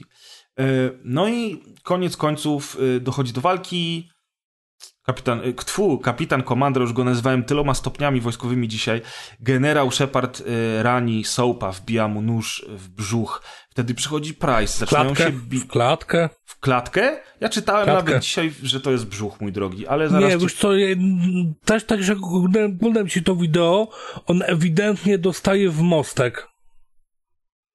Okej, dobra. Faktycznie masz rację. D- ripping the knife out of his own chest. Sorry, zwracam honor. I faktycznie jak, jak Price tłucze się z Shepardem, to, to Soap wyciąga z klatki ten, ten, ten nóż, rzuca nim w stronę Sheparda i trafia go w lewe oko. Pamiętna scena, całkiem niezła zresztą. E, I tak się kończy dwójka. Powiedz tak, mi, tutaj bym się przyczepił co do możliwości rzucenia takim nożem tak celnie, no ale... No słuchaj, słuchaj, jeżeli y, atomówki wybuchają w atmosferze i EMP z tego się robi, jeżeli zodiaki mają wiele warstw i są w stanie przeżyć taki ostrzał, jaki tam dostajesz w tej misji, to myślę, że na rzut tym nożem już musimy przymknąć oko. Podejrzewam, podejrzewam, że twórcy po prostu, wiesz, chcieli, żeby to było takie epickie, takie, wiesz, taka walka jeden na jednego, prawie, że na gołe pięści, no. Pra, no i- Prawie, że wiesz, kurwa po kolana w kisielu. dokładnie, dokładnie tak. Powiedz mi, y, Olek, y, jakie są najfajniejsze momenty, które zapamiętałeś z Modern Warfare 2? Te, które ty najbardziej lubisz? De, de, zdecydowanie to jest e, misja na platformie wiertniczej. Okej. Ta akcja podpływania tam od spodu i tak dalej. To raz. Spawania przez tą kratę pod Tak, wodą, tak, nie? tak, tak, tak. Czy takie rzeczy są Yy. wykonalne? Spawanie pod wodą do, i, i te- tego typu akcje? Oczywiście, oczywiście, że tak.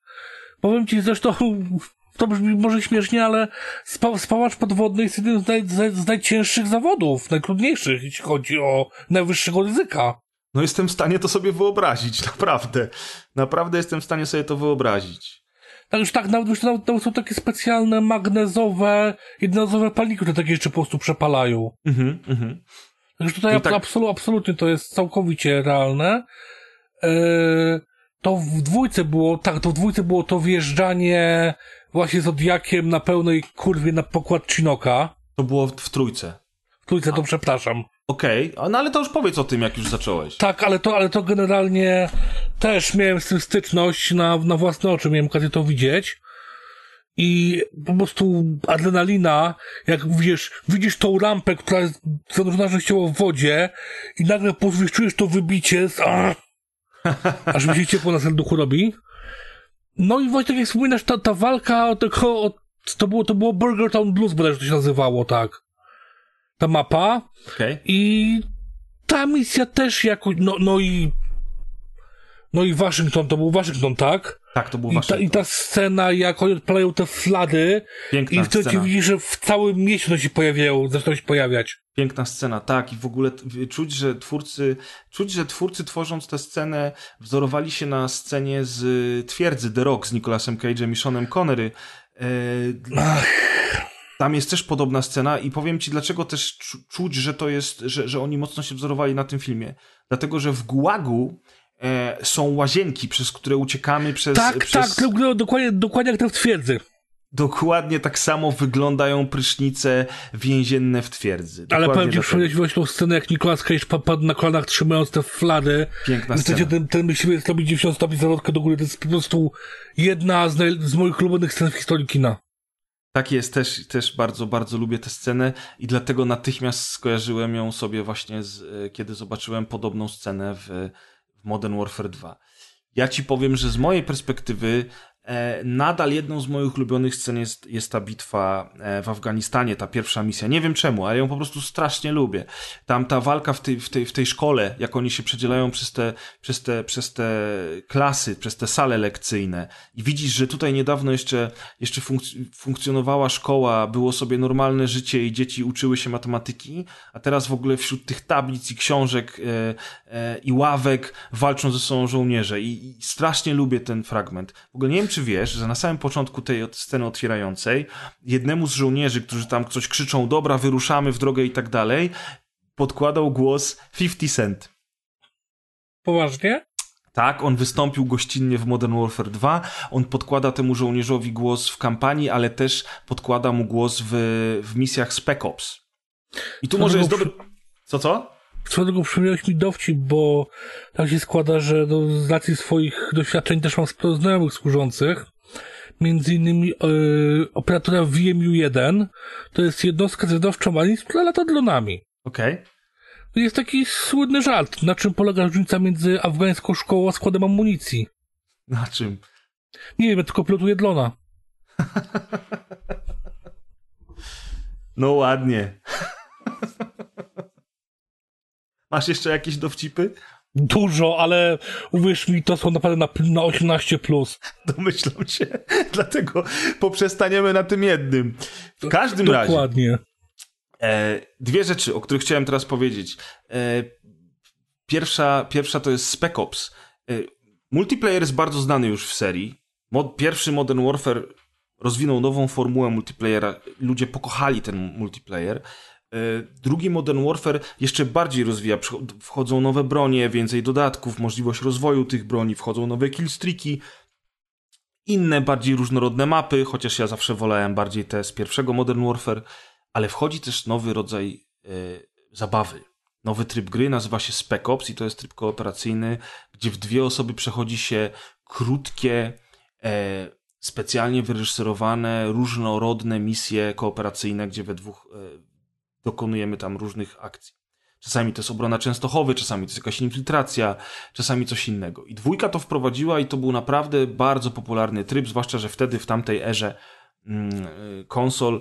Y, świetnie sobie konsole radziły z, ze split screenem i większość gier nie miała problemu z tym, żeby grać we dwóch na podzielonym ekranie i właśnie tak bardzo wiele osób grało w Spec Opsy. Pamiętasz? No i był to koop asymetryczny, bo między innymi jest jedna misja, gdzie jeden gościu jest na ziemi, a drugi wspomaga go z SO-30, tak? Tak, ale podobnie jak z Zodiakami, które wjeżdżają do Chinuków, tak samo teraz wyprzedzasz, mój drogi, fakty, bo y, Spec Ops Modern Warfare 3 wprowadziło asymetryczną kooperację. Oż w dwójce, wyobraź sobie, że nawet wczoraj jeszcze zagrałem w parę misji z moim kuzynem, którego serdecznie pozdrawiamy, e, żeby właśnie przy, przypomnieć sobie, jak wyglądały te spekopsy w trójce. W dwójce większość zadań jednak była taka, że i ty, i, i drugi gracz robiliście to samo, to znaczy właśnie zazwyczaj oboje walczyliście na ziemi i ramię w ramię e, stawialiście czoła przeciwnikom. W trójce... A przypomnij mi, to w dwójce, to w dwójce była ta misja, gdzie trzeba się było przedrzeć przez most? Tak, to jest dwójka. Genialna, genialna sprawa. Genialny, geni nie, dość, nie dość, że to jest genialna misja, to jeszcze w trakcie grania e, w tę konkretną misję Spec Ops leci fragment muzyczny, który pojawia się również w kampanii. On się nazywa chyba Invasion. Ja nie chcę wam skłamać, ale mi się wydaje, że on się chyba nazywa Invasion. I ten fragment muzyczny to jest pierdzielone dzieło sztuki. Kocham ten utwór.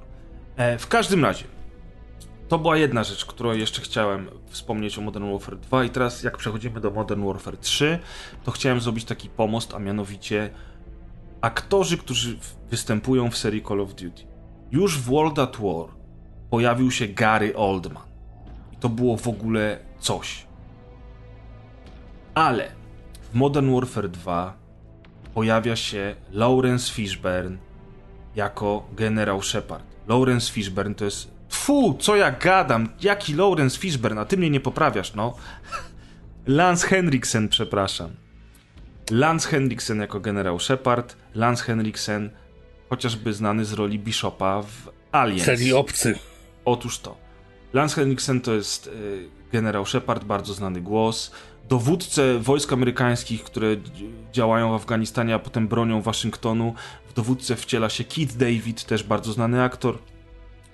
E, między innymi występował w Oni żyją, żyją Johna Carpentera. E, I to są takie pierwsze już bardzo, bardzo znane nazwiska, które pojawiają się w serii. W McTavisha od dwójki w ogóle wciela się też dosyć znany aktor, Kevin McKidd, który jest raczej aktorem serialowym. Grał m.in. jedną z głównych ról w serialu Rzym od HBO. Grał też doktora w Grey's Anatomy, czyli chirurdzy. Bardzo popularny e, Przyznam się bez bicia, ani jednego, ani drugiego nie widziałem. Nie widziałeś. E, nie. Wyślę ci tutaj zaraz e, e, na, naszym, na naszej rozpisce, na naszym czacie jego zdjęcie. Proszę bardzo, poszło, więc możesz sobie spojrzeć. Może rozpoznasz facjatę. No serialowy bardziej aktor, Kevin McKidd, czyli właśnie Soap. Fantastyczny głos i, i świetnie tego Soapa od, odegrał. Natomiast przechodzimy teraz do trójki. I w trójce mamy już wojnę totalną. Całe otwarcie gry to jest odparcie wojsk rosyjskich ze Stanów Zjednoczonych, walka w Nowym Jorku, na Wall Street, wśród budynków e, tych nowojorskich wieżowców. Niesamowicie przepięknie to jest zrobione. W ogóle między dwójką a trójką jest duży skok graficzny i to naprawdę widać.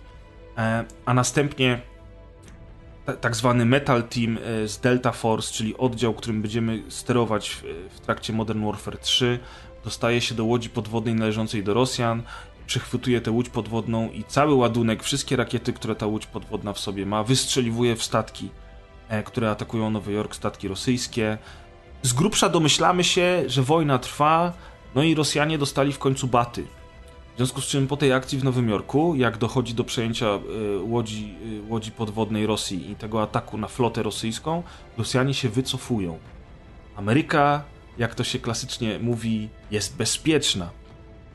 I tutaj bardzo ważna wzmianka, dla mnie fenomenalna wręcz obsada y, tego metal teamu, poza Frostem, w którego my się wcielamy, jest nas przywódca Sandman i w, Sand, w Sandmana wciela się znany aktor już jakąś nazwą William Fichtner. William Fichtner grał m.in. w serialu e, Prison Break, ale grał w też wielu, wielu filmach hollywoodzkich. Na pewno, na pewno jak zobaczycie, jak on wygląda, to, to będziecie wiedzieli, co to jest za pan. W Grincha, kolejną postać z naszego składu, wciela się z kolei Timothy Olyphant. Timothy Olyphant, który jest znany z takich serialów jak Deadwood e, czy Justified, ale też wcielał się w Hitmana w kinowej adaptacji Hitmana. Widziałeś może? Mm, no i nie. No więc, ale aktora kojarzysz. Tak, tak. No, świetny, świetny w ogóle aktor, strasznie go lubię. Zresztą Fitchnera też uwielbiam i, i nagle się okazuje, że Fitchner, Olifant i w ogóle Track, czyli ostatni członek naszy, naszy, naszej ekipy, to jest nikt inny, jak bardzo w tej chwili znany aktor Idris Elba. I te wszystkie głosy to jest po prostu tak niesamowita mieszanka. Ja w ogóle teraz przyznam się do, do, do czegoś, bardzo niepopularna opinia, ale moim zdaniem Modern Warfare 3 jest najlepsze. Ja na, albo przynajmniej ja najbardziej lubię Modern Warfare 3. Przez ten rozmach, przez to jak to wygląda, jeżeli chodzi o architekturę miast i miejscówek, w których walczymy, oraz właśnie przez tą ekipę aktorów, którzy tutaj się wcielają w główne role, bo poza tymi ludźmi, których wymieniłem, jest jeszcze znany aktor, którego niestety nazwiska nie pamiętam, a który, um, który jest tym overlordem, wiesz, tym naszym dowódcą, który mhm. nam daje cały czas rozkazy. On grał y, męża w grze Geralda, między innymi grał też kapitana statku w tym Star Treku pierwszym od J.J. Abramsa. Postaram się znaleźć. E, wiem, wiem o kim mówisz. Fenomenalny głos, świetny koleś. Chciałbym znaleźć, jak on się nazywa, może teraz szybko poszukam na Filmwebie, bo z głowy wam nie powiem. Polecam na ekranie. A właśnie, to użyjemy, użyjemy w takim razie na ekranie. Yy, a ty powiedz mi, jak ty pamiętasz otwarcie Modern Warfare 3? Co, co, co, konkretnego, tam, co konkretnego tam zapadło ci w pamięć? No Oczywiście no poza te, tymi te... motorówkami, o których już wspomniałeś. Ale właśnie te, też, też to był Manhattan, tak? To było niesamowite. Ja, słuchaj, uwielbiam ogólnie Nowy Jork, zwłaszcza Manhattan. Y, dla mnie to jest miejsce popkulturowe ogólnie magiczne, tak? Spójrz Modern Warfare 3, spójrz Division, spójrz Spider-Man od, od Insomniac, tak? Crysis Jakby 2. Manhattan zawsze był dla mnie takim miejscem wyjątkowym, jeśli chodzi o popkulturę które może, dla niektórych może jest nadużywane, ale dla mnie zawsze jednak nigdy nie mam go dosyć. O, tak to powiem. Okej. Okay. Czyli to jest, to jest faktycznie ważna dla ciebie miejscówka. Byłeś w ogóle w Nowym Jorku? Tak, tak byłem tam. Trochę zazdroszczę. Też bym chciał kiedyś zobaczyć Nowy Jork. Zresztą da, dalej mi się marzy i planuję zrobić, wziąć po prostu sprzęt fotograficzny, pojechać do Nowego Jorku i zrobić fotoreportaż śladami swojego agenta Division. Kiedyś mi się uda. O kurde, to ja ci kibicuję, jak będziesz miał jakąś zrzutkę na Kickstarterze, czy Polak potrafi, to na pewno się dorzucę, a może się wkręcę i pojadę z tobą. W końcu znieśli wizy niedawno, nie? No, od 11, od 11 listopada już nie trzeba będzie. Mieć ja i tak jeszcze mam wizę na 8 lat, chociaż teraz to już mi do niczego nie będzie potrzebna. Ale tak, stary, trzymam kciuki totalnie, żeby to ci się udało. Powiem tylko, że ten aktor, o którym mówiliśmy, nazywa się Bruce Greenwood.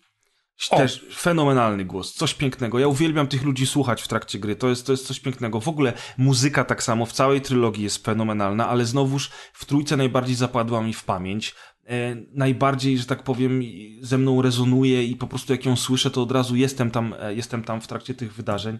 E, Modern Warfare 3 y, w intrze i w trailerach bardzo fajnie zmieniało się to logo, bo mieliśmy WW3, czyli World War III, trzecia wojna światowa. Tak, i nagle, wchodziło na M. Tak, i nagle to pierwsze M zmieniało się, znaczy pierwsze W zmieniało się w M i mieliśmy MW3, czyli Modern Warfare 3 i rzeczywiście to jest wojna totalna, wojna światowa, ponieważ krótko po tym, jak Rosjanie wycofują się z, z USA, dokonują ataku terrorystycznego na różne duże kraje europejskie. Atak oczywiście jest niby terrorystyczny, dowodzi tym wszystkim Makarow, ale jest to, jest to początek inwazji wojsk rosyjskich na, na Europę. Co ciekawe, w tym samym czasie, przed tym zamachem, prezydent Rosji leci do Niemiec, do Hamburga albo do Berlina, teraz już nie pamiętam dokładnie, żeby spotkać się z przywódcami USA, żeby rozmawiać, porozmawiać o pokoju.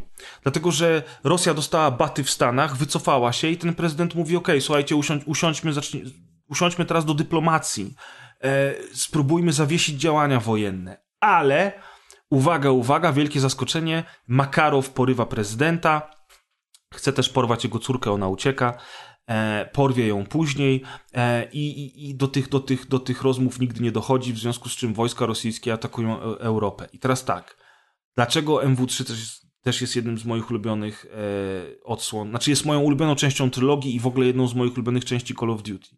Bo te miejscówki, tak jak już powiedzieliśmy Nowy Jork, ale potem mamy e, Hamburg, mamy Paryż, mamy, mamy Berlin. Mamy czeską Pragę, mamy Dubaj, mamy, mamy mnóstwo. Jest niesamowita ilość wspaniałych miejscówek, które bardzo często są bardzo pieczołowicie odwzorowane na podstawie prawdziwych miejsc, miejsc. i obserwowanie tej wojny światowej z perspektywy Europy to jest kolejny krok, y, który stawia seria Modern Warfare, czyli, czyli mieliśmy Bliski Wschód, czyli takie he, to nikogo nie obchodzi, oczywiście mówię to, mówię to z przymrużeniem oka. To tak. Potem mamy atak na Stany Zjednoczone i znowu wiesz, he, to Amerykanie dostali w dupę, ha, ha, ha, oni bronią McDonalda. I nagle jest ta inwazja na Europę, czyli tu, to, to już jest u nas, z naszej perspektywy to już jest u nas. I obserw... Niemcy, Praga to przecież nasi sąsiedzi, tak? Dokładnie, to oczywiście. W ogóle tam w Modern Warfare 3, jak pokazywane są te e e ekrany ładowania i przechodzą te różne, różne dyskusje, to tam jest pokazane, jak wojska rosyjskie nacierają i one właśnie atakują różne, różne stolice. Jest pokazana też Warszawa i teraz się zastanawiam, czy Warszawa jest z góry za założona, że już jest rosyjska, bo tam te wojska nawet nie wjeżdżają, tylko przez nią sobie przejeżdżają. Czy to jest taki skrót myślowy, no bo wiadomo, że, że wszystko po kolei tam... To mam wrażenie bardziej że skrót, bo powiedzmy, że no jakby nigdy ta seria nie celowała e, w nas, a nawet jeżeli się już pojawialiśmy chociażby w którymś kodzie długowojennym, nie pamiętam, nie pamiętam w którym, tak? Ale był bardzo krótki polski wątek, to raczej pozytywny, Call więc... of Duty 2 był, był w Warszawie, pod Warszawą chyba ta stacja kolejowa, nie? A w Call of Duty 3 wcielaliśmy się w polskiego żołnierza.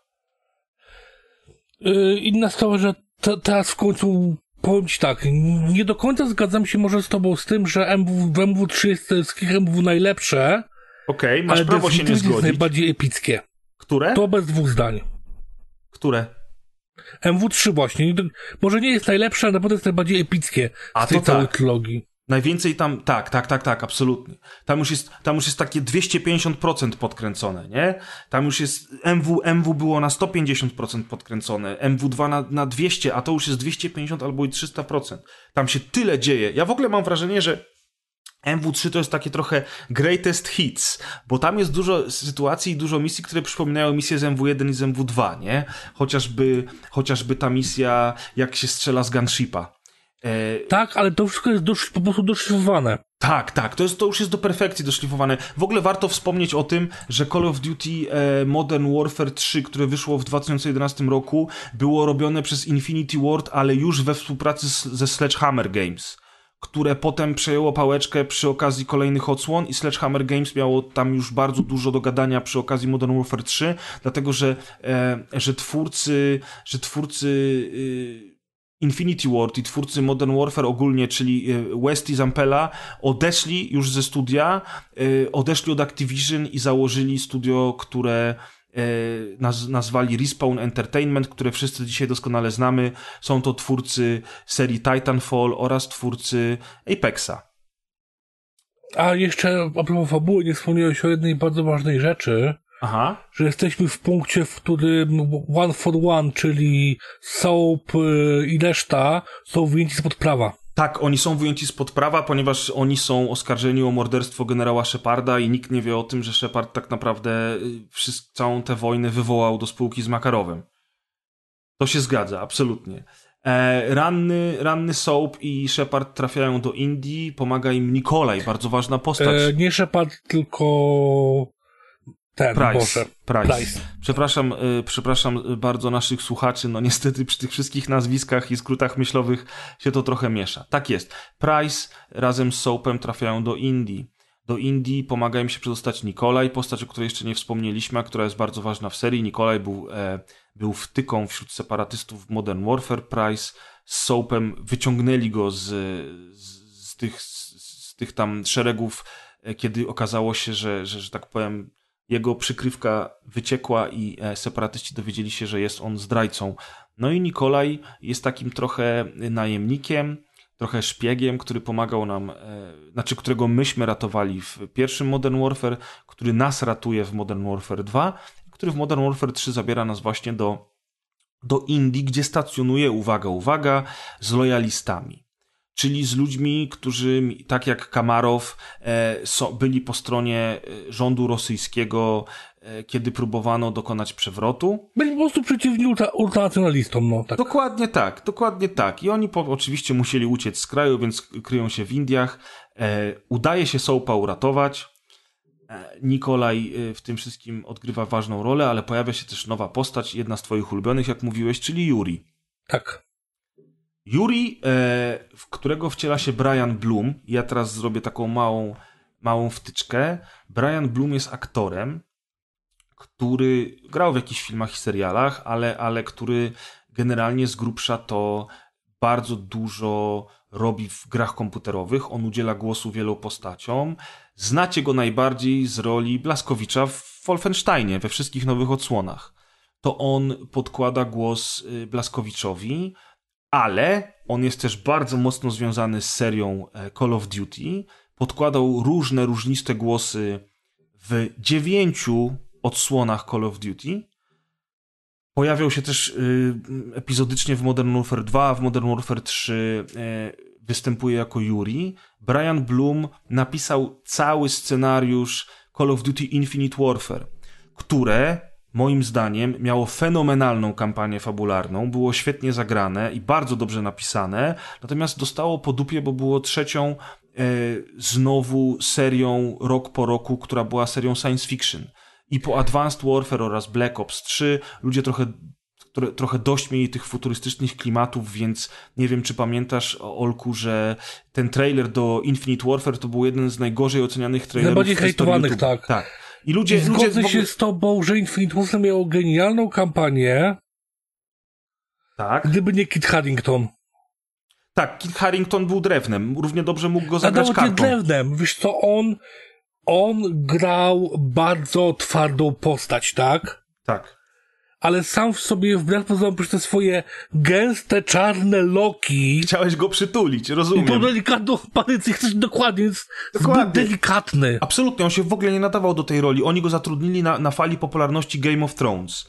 E, i, I wzięto osobę, która powinna grać tylko i wyłącznie dobrych, grzesznych chłopców i ona miała grać w, w ogóle głównego czarnego bohatera. Tu się z tą absolutnie zgadzam. W ogóle zresztą sam konflikt był świetnie napisany. I ten, tak. I właśnie te to, co ciągnęło tych, tych naszych antagonistów, tych naszych wrogów, to, co powodowało, że oni w ogóle zaatakowali, to też było bardzo w sumie racjonalne i takie, takie wiesz, e, przyziemne. To mi się cholernie kojarzy z serialem The Expanse. Okej. Okay. Które na początku bardzo mocno hejtowałem, dopiero mój znajomy redaktor, pozdrawiam cię Wiktor, mnie przekonał, że wreszcie usiadł to obejrzał, tak? Okej. Okay. No to też jest serial na, na, na, że tak powiem, kanwie konfliktu Ziemi, Marsa z koloniami. Naprawdę i pole, polecam obejrzeć i tak jak mówię, bardzo mocno mi się to kojarzyło, wiesz, ta, ta cała logika, te, ta cała e, ten motor napędowy. Tak. Tak, jakby. Że, że to jest wiarygodne, prawda? Słucham? Że to jest wiarygodne. To jest tak, wiarygodne. Tak. To, co się dzieje, jest wiarygodne. Powiem ci tak, ja obejrzałem pierwszy sezon Expans, absolutnie mi się nie podobało. E, I do dzisiaj wiele osób mnie próbowało zachęcić, ale coś czuję, że ty mnie chyba zachęciłeś, żebym poszedł Powiem dalej. ci, że drugi sezon jest zupełnie inny. Okej. Okay. Po prostu rusza się tak, że ja pierdzielę do przodu. Owszem, bo zgadzam się z tobą, że pierwszy sezon jest słaby, ale jak już pierwszy przeżyjesz, to drugi leci zupełnie inaczej, a trzeci to jest jedna wielka kosmiczna bitwa, gdzie nas na, na kilku poziomach od y, wiesz, właśnie bitew w kosmosie między, między statkami wielkimi, po potyczki siła bandażowych i tak dalej. No, dobra, okej, okay, okej, okay, namówiłeś mnie, brzmi to ciekawie. No to powiem ci szczerze, że dam szansę. A wracając do Briana Bluma i do Infinite Warfare, to też jeszcze nie wspominam o nim bez przyczyny. Wyobraź sobie, y, że Brian Bloom współtworzył też scenariusz do najnowszego Modern Warfare. Czyli, czyli facet dobrze pisze i całkiem niezłe historie wymyśla, a do tego ma fenomenalny głos. No, kto nie lubi tak. głosu Blaskowicza, prawda? Tak. I powiem ci, że szanuję jego za, zainwestowanie w tą serię, naprawdę. Tak, on widać, że on jest mega fanem serii i w ogóle sam, e, sam kurczę też, też lubi chyba te gry, skoro, skoro tworzy historię w ich uniwersum. No dobra. Ale powiem ci, że, że, że jeżeli jesteśmy jeszcze przy bad guyach w okay. serii, modern, w serii Call of Duty i znanych aktorach, Aha. uważam, że o ile Advanced Warfare, znaczy Advanced Warfare dobrze, było takie sobie. Fabularnie. Advanced, no, nie, Future, nie, czekaj. Advanced Warfare, Advanced Warfare, tak, tak, tak. Mówisz o tej wersji, o tej części, w której był y, Kevin Spacey. Tak. Właściwie będzie, że o ile sama ta część była... Ja lubiłem bardzo multi w tej części, dlatego Taka że ono było sobie, inne. to właśnie Kevin Spacey jako ten bad guy dla mnie był niesamowity. No, to fenomenalny aktor był i jest w dalszym ciągu, prawda? Więc, więc świetnie zagrał. Pamiętam też jego motywację i tą całą rozkminę na temat właśnie ofiar wojny, na temat tego, jak, e, jak cynicznie wojsko wykorzystuje swoich ludzi, a potem zresztą sam, sam, sam, sam, sam bohater, w którego wcielał się Spacey, okazał się strasznym cynikiem, ale, ale masz rację, był świetnie, e, świetnie zagrany. Tam zresztą w jedną z głównych ról wcielał się też y, Troy Baker, taki znany aktor y, growy, który między innymi wcielał się w Joela z The Last of Us i którego uwielbiam. Tudzież w jednego z głównych złych w Death Stranding i wiele innych ról. Tak jest, on teraz będzie w Death Stranding. Tak, oczywiście on ma całą masę znanych i świetnych ról. Ja uwielbiam gościa, uwielbiam. No dobra, ale kochani, wracamy do Modern Warfare 3. Jesteśmy już na etapie, na którym wojna przyniosła się do Europy. No i w tej Europie tutaj następuje szereg różnych rzeczy, bo Price z Soapem lądują w Afryce, łapią wataszkę e, afrykańskiego, który współpracuje z Makarowem. On nie mówi im o Makarowie, ale mówi im o twórcy bomb, który pracuje dla Makarowa. Te informacje docierają do Delty, która już jest w tym czasie w Europie i pomaga wojskom europejskim. Delta w Paryżu, który został w ogóle zagazowany. I tutaj bardzo ważna rzecz, Rosjanie użyli broni biologicznej, e, w Niemczech, Wielkiej Brytanii i we Francji na pewno, ale w innych krajach też. Tutaj dopiero w Paryżu i potem e, w, e, w, w Czechach obserwujemy po raz pierwszy w historii Modern Warfare poza No Russian, czyli poza zamachem terrorystycznym na terenie moskiewskiego lotniska, obserwujemy ofiary cywilne z bardzo bliska. E, obserwujemy mieszkańców Paryża, którzy leżą martwi w swoich domach i na ulicach, których zabił ten gaz. Mamy takie sytuacje, gdzie jacyś cywile po raz pierwszy wbiegają nam pod lufę, zwłaszcza w Pradze, kiedy, kiedy pomaga nam e, ruch oporu e, i kiedy obserwujemy cywilów chowających się w budynkach, które są ostrzeliwane podczas starć z wojskami rosyjskimi. I do tej pory trylogia Modern Warfare była takim kinem akcji, gdzie my wcielamy się w bohatera, który strzela z dwóch karabinów naraz, który skacze do helikoptera, który pływa pod wodą, detonuje atomówki w kosmosie i w ogóle jest wielkim bohaterem.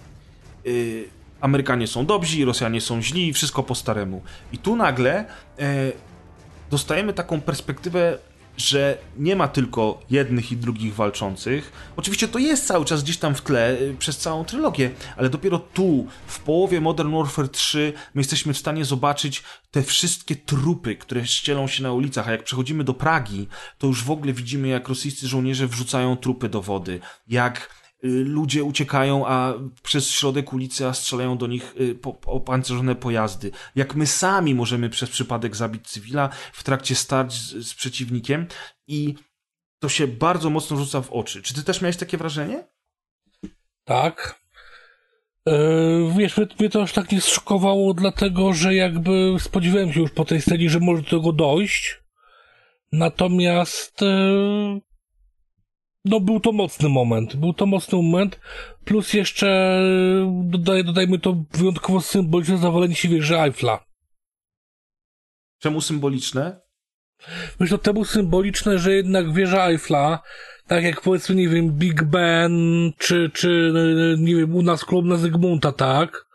Jest pewnym symbolem, może nie tyle wolności, co symbolem narodowym, który, wiesz, jest na, na tyle znany, że jego zniszczenie, tak jak spłynięcie własnie katedry Notre Dame, tak, to powoduje, że masz wrażenie, że pewna epoka się kończy. Okej. Okay.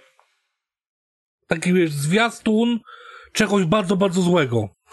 Okej, okay, tylko e, nie wiem, czy pamiętasz, pamiętasz, bo dopiero co przychodziłeś razem ze mną całą trylogię od nowa, ale e, wieże Eiffla bombardują Amerykanie.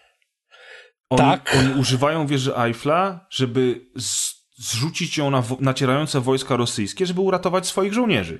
Tak, i tu, i tu masz właśnie to, to, to, to całe poświęcenie, tak? Ten symbol tego poświęcenia, właśnie mówię, tak jak mówię, że muszą, że coś musi być zniszczone, żeby na górze czegoś coś, coś innego powstało.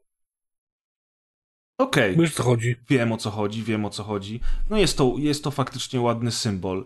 Y, dla mnie to też jest symbol y, pewnego takiego, mm, pewnego takiego, słuchaj, ekstremalnego już zburzenia wojennego, po prostu. Po prostu, wiesz, wojna, która niszczy wszystko, my jesteśmy Polakami, znamy naszą historię, widzieliśmy zdjęcia Warszawy powojennej, widzieliśmy zdjęcia Berlina powojennego i teraz e, Trzecia wojna światowa, którą obserwujemy w Call of Duty Modern Warfare 3, to jest kolejny obraz totalnego zniszczenia y, miast i wszystkiego, co, co, co, co, co zbudowała nasza kultura, a co wojna zawsze e, i nieustannie niszczy. Także, także tak, y, to jest takie, bo, bo dlaczego, wiesz co, dlaczego ja to w ogóle analizuję pod tym kątem? Dlatego, że moim zdaniem w dalszym ciągu, mimo wszystkich tych strasznych rzeczy, które obserwujemy e, w tej serii, mimo wszystkich śmierci, których doświadczyliśmy i mimo tego, co, co mówiliśmy teraz a, a propos cywilów, którzy są zaplątani w tą wojenną zawieruchę, to nadal uważam, że trylogia Modern Warfare 1-3 to jest nadal kino akcji. I ono, mimo tych wszystkich scen, nie jest dla mnie tak, tak wiarygodne, jak nowe Modern Warfare, do którego zaraz przejdziemy. A nie, ale... to absolutnie to jest zupełnie ten poziom, to się z tobą całkowicie zgadzam.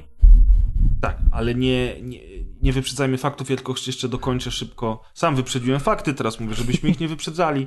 Y, ja tylko, ja tylko jeszcze dokończę tą historię trójki, bo moim zdaniem im bliżej końca, tym gorzej. To znaczy, w ogóle ja powiedziałem, że Modern Warfare 3 jest moją ulubioną odsłoną trylogii, natomiast jest zdecydowanie za długą grą. I o ile w Call of Duty zawsze się mówi, że te kampanie są krótkie i wszyscy chcieliby, żeby były dłuższe, o tyle Modern Warfare 3 moim zdaniem jest po prostu za długie. Tam jest bardzo dużo takich misji, gdzie się strzela i strzela i strzela. Ja w ogóle uważam, że Call of Duty w kampaniach to jest celowniczek. To jest takie piu, piu, piu, gdzie, gdzie po prostu strzelasz do setek wrogów, jak nie tysięcy wrogów w trakcie całej kampanii, wybuchy, wiesz, atomówki, helikoptery, które spadają z nieba. I, i to tak naprawdę jest taki typowy, typowy celowniczek. Im dalej w las, to, to te wszystkie reżyserie, te wszystkie sceny, które oglądamy są, są coraz bardziej wiarygodne, coraz bardziej przejmujące, że zapominamy o tej podstawowej mechanice, którą jest właśnie strzelanie do, do po prostu do fal wrogów, które na nas nacierają ale tutaj odczułem, pewnie też przez to, że grałem po kolei, prawda? Jeden, dwa, trzy, to odczułem tutaj już pewne zmęczenie konwencją. I miałem, miałem ochotę, żeby, miałem ochotę żeby, żeby ta kampania się wreszcie skończyła. Czy ty też podobnie miałeś, czy inaczej? Tak. E, to, to, to kwestia jest tak, tak zwanego zmęczenia materiału, że jednak e, przez, mimo że zmienia się skala tej wojny, mimo że zmienia się konwencja troszeczkę, to jednak ta główna mechanika jest cały czas taka sama. I jakby nawet ta zmiana konwencji, czy, czy, czy, czy tempa, czy skali gry, e, po prostu nie jest w stanie już, wiesz, na, na tle tego zmienić, e, że, że, że to po prostu nie, nie zaczęło nagle nudzić. Tak, absolutnie, pełna zgoda. Niestety y, mam wrażenie, że do dzisiaj ta, ta ewolucja nie nastąpiła, żeby troszeczkę to, to, to się zmieniło, ale o, o tym też zaraz pogadamy w, w kontekście kampanii w Modern Warfare 2019. No dobra, ale skończmy historię Modern Warfare 3. Ostatecznie dowiadujemy się, że Makarow przetrzymuje prezydenta, a również jego córkę, którą e, złapał w końcu w Niemczech. E, trzyma oboj, ob, ob, oboj Oboje. Oboje, dziękuję. Trzyma oboje, ponieważ chce zmusić prezydenta, żeby podał mu kody do broni nuklearnej Rosji, które Makarow chce wykorzystać. Wiadomo, to już jest takie zapętlenie, że tak naprawdę już nikt nie wie o co chodzi, wojna trwa, wszyscy ze sobą walczą, a Makarow nadal ma, ma nadal ma jeden cel, czyli zniszczyć wszystko. W sumie to już jest... To jest taka w zeli napędzająca się, tocząca się w dół spirala już w tym momencie zniszczenia. Tak jest, absolutnie. I w sumie to nawet ten, to, ta chęć zniszczenia wszystkiego to jest drugi cel, bo jednak tym pierwszym podstawowym celem było Make Russia Great Again. Cytując... Tak, ale już to, to już jest takie, że dobra, chuj, nie wyszło mi, tak jest. idę do piachu, to niech wszystko pójdzie razem ze mną w diabły. Tak jest, tak jest, dokładnie. To jest taki już, on już jest takim antagonistą, złoczyńcą, którego po prostu należy powstrzymać za wszelką cenę. On już stracił motywację, on już po prostu chce, on już po prostu nie, sam nie wie czego chce, ale już mówię, jak ma iść diabłu, to najlepiej, żeby poszło z razem z nim. Otóż to.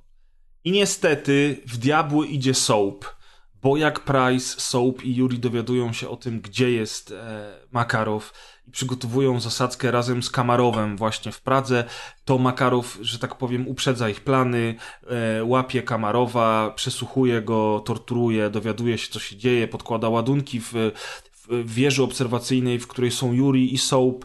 Ta wieża e, eksploduje, Makarow ucieka, Soap ratuje życie Yuriego, ale sam spada po rusztowaniu i na ziemię. Otwiera się jego rana, którą dopiero co w Indiach mu zaszyto. Ta rana na klatce piersiowej, którą otrzymał podczas walki z Shepardem. E, następuje... Nie zapomnij, przepraszam, że też przy okazji się wyjawia, że Yuri brał udział od początku w tym wszystkim. Tak, to się wyjawia chwilę później, ponieważ Price y, razem z Jurim uciekają i eskortują Soapa, który ledwo idzie i cały czas krwawi. Soap niestety tej ucieczki nie przeżyje i w końcu kona na stole e, w pubie, gdzie jest ruch oporu i oni go na ten stół kładą, próbują mu pomóc, no ale Soap umiera i właśnie ostatnie co mówi do Price'a to mówi, że e, Makarow zna Juriego, a wie o tym dlatego, że Makarow oczywiście przechwycił fale radiowe chłopaków, jak byli jeszcze na wieży, odezwał się i mówi, no ha, ha, ha, mam was, Juri, przyjacielu, szkoda, że bierzesz w tym wszystkim udział i będę musiał ciebie też zabić. No i wtedy Soap się orientuje, że oni się znają. E, mówi to, mówi to Price'owi i umiera. Price wściekły, zrozpaczony po śmierci swojego przyjaciela rzuca się na, Juriego, na Juriego i każe mu powiedzieć prawdę. No i faktycznie okazuje się, tak jak mówisz, co? Pamiętasz, co się okazuje? Tak, że on był. Na, Też... na, na, pew, na pewno był w Prypeci. Tak, był jednym z żołnierzy tych ultranacjonalistów, którym przewodził Zakajew. I on był... też bodajże był na lotnisku. Był na lotnisku i był podczas wybuchu e, bomby atomowej. Tej atomówki, tak. Tak jest. Tutaj mamy piękną klamrę wszystko się zamyka. Okazuje się, że Yuri był też e, ultranacjonalistą, który, jak sam o sobie mówi, był wielkim patriotą i chciał dobrze dla Rosji. E, był w jednym z tych jeepów, e, kiedy Price strzelił do Zakajewa w Prypeci i urwał mu rękę. To był w tym jeepie zresztą, w którym odjechali z Zakajewem. Był tam też Makarow. Oni byli żołnierzami Zakajewa. Obaj panowie byli też e, w tym e, nienazwanym kraju na Bliskim Wschodzie, gdzie wybuchła bomba atomowa i zginęło 30 tysięcy amerykańskich żołnierzy oraz cywile tamtego kraju. I wtedy Yuri zobaczył, że Makarow tak naprawdę jest szalony i że to wszystko, co oni robią, to, to, to, to, to, to, to kosztuje zbyt dużą cenę. I dlatego przed atakiem na moskiewskie lotnisko Juri zgłosił się do FSB, czyli służb wywiadowczych rosyjskich, prawda? Tak. Ale Makarow się o tym dowiedział. W związku z czym przed samiusieńkim atakiem na lotnisku e, Makarow konfrontuje się z Jurim i strzela mu w brzuch, myśląc, że zabija Juriego. Juri natomiast to wszystko przeżywa. Więc możemy też obserwować parę najważniejszych wydarzeń z całej trylogii z perspektywy Juriego w formie takich flashbacków, takich mm -hmm. krótkich bardzo retrospekcji. I w tym momencie Price dowiaduje się, że Yuri tak naprawdę cały czas był sojusznikiem, bo tak samo chce dorwać Makarowa, jak e, chcieli to zrobić chłopcy z 141. I koniec końców e, ekipa leci w ogóle do, gdzie oni lecą? Do oni, Dubaju. Lec, oni lecą do, do, tej, do tej fabryki, do tej kopalni diamentów pod koniec już, nie? Pamiętasz? A ty mówisz teraz o uwolnieniu prezydenta. O uwolnieniu prezydenta. Tak, oni lecą do syberyjskiej kopalni, kopalni diamentów. diamentów. Tak. I tam lecą wszyscy z Team Metal. Znaczy nie Syberia, to chyba, to chyba był Ural. Tak, tak, tak, tak, tak. To są, to są góry U Ural, oczywiście.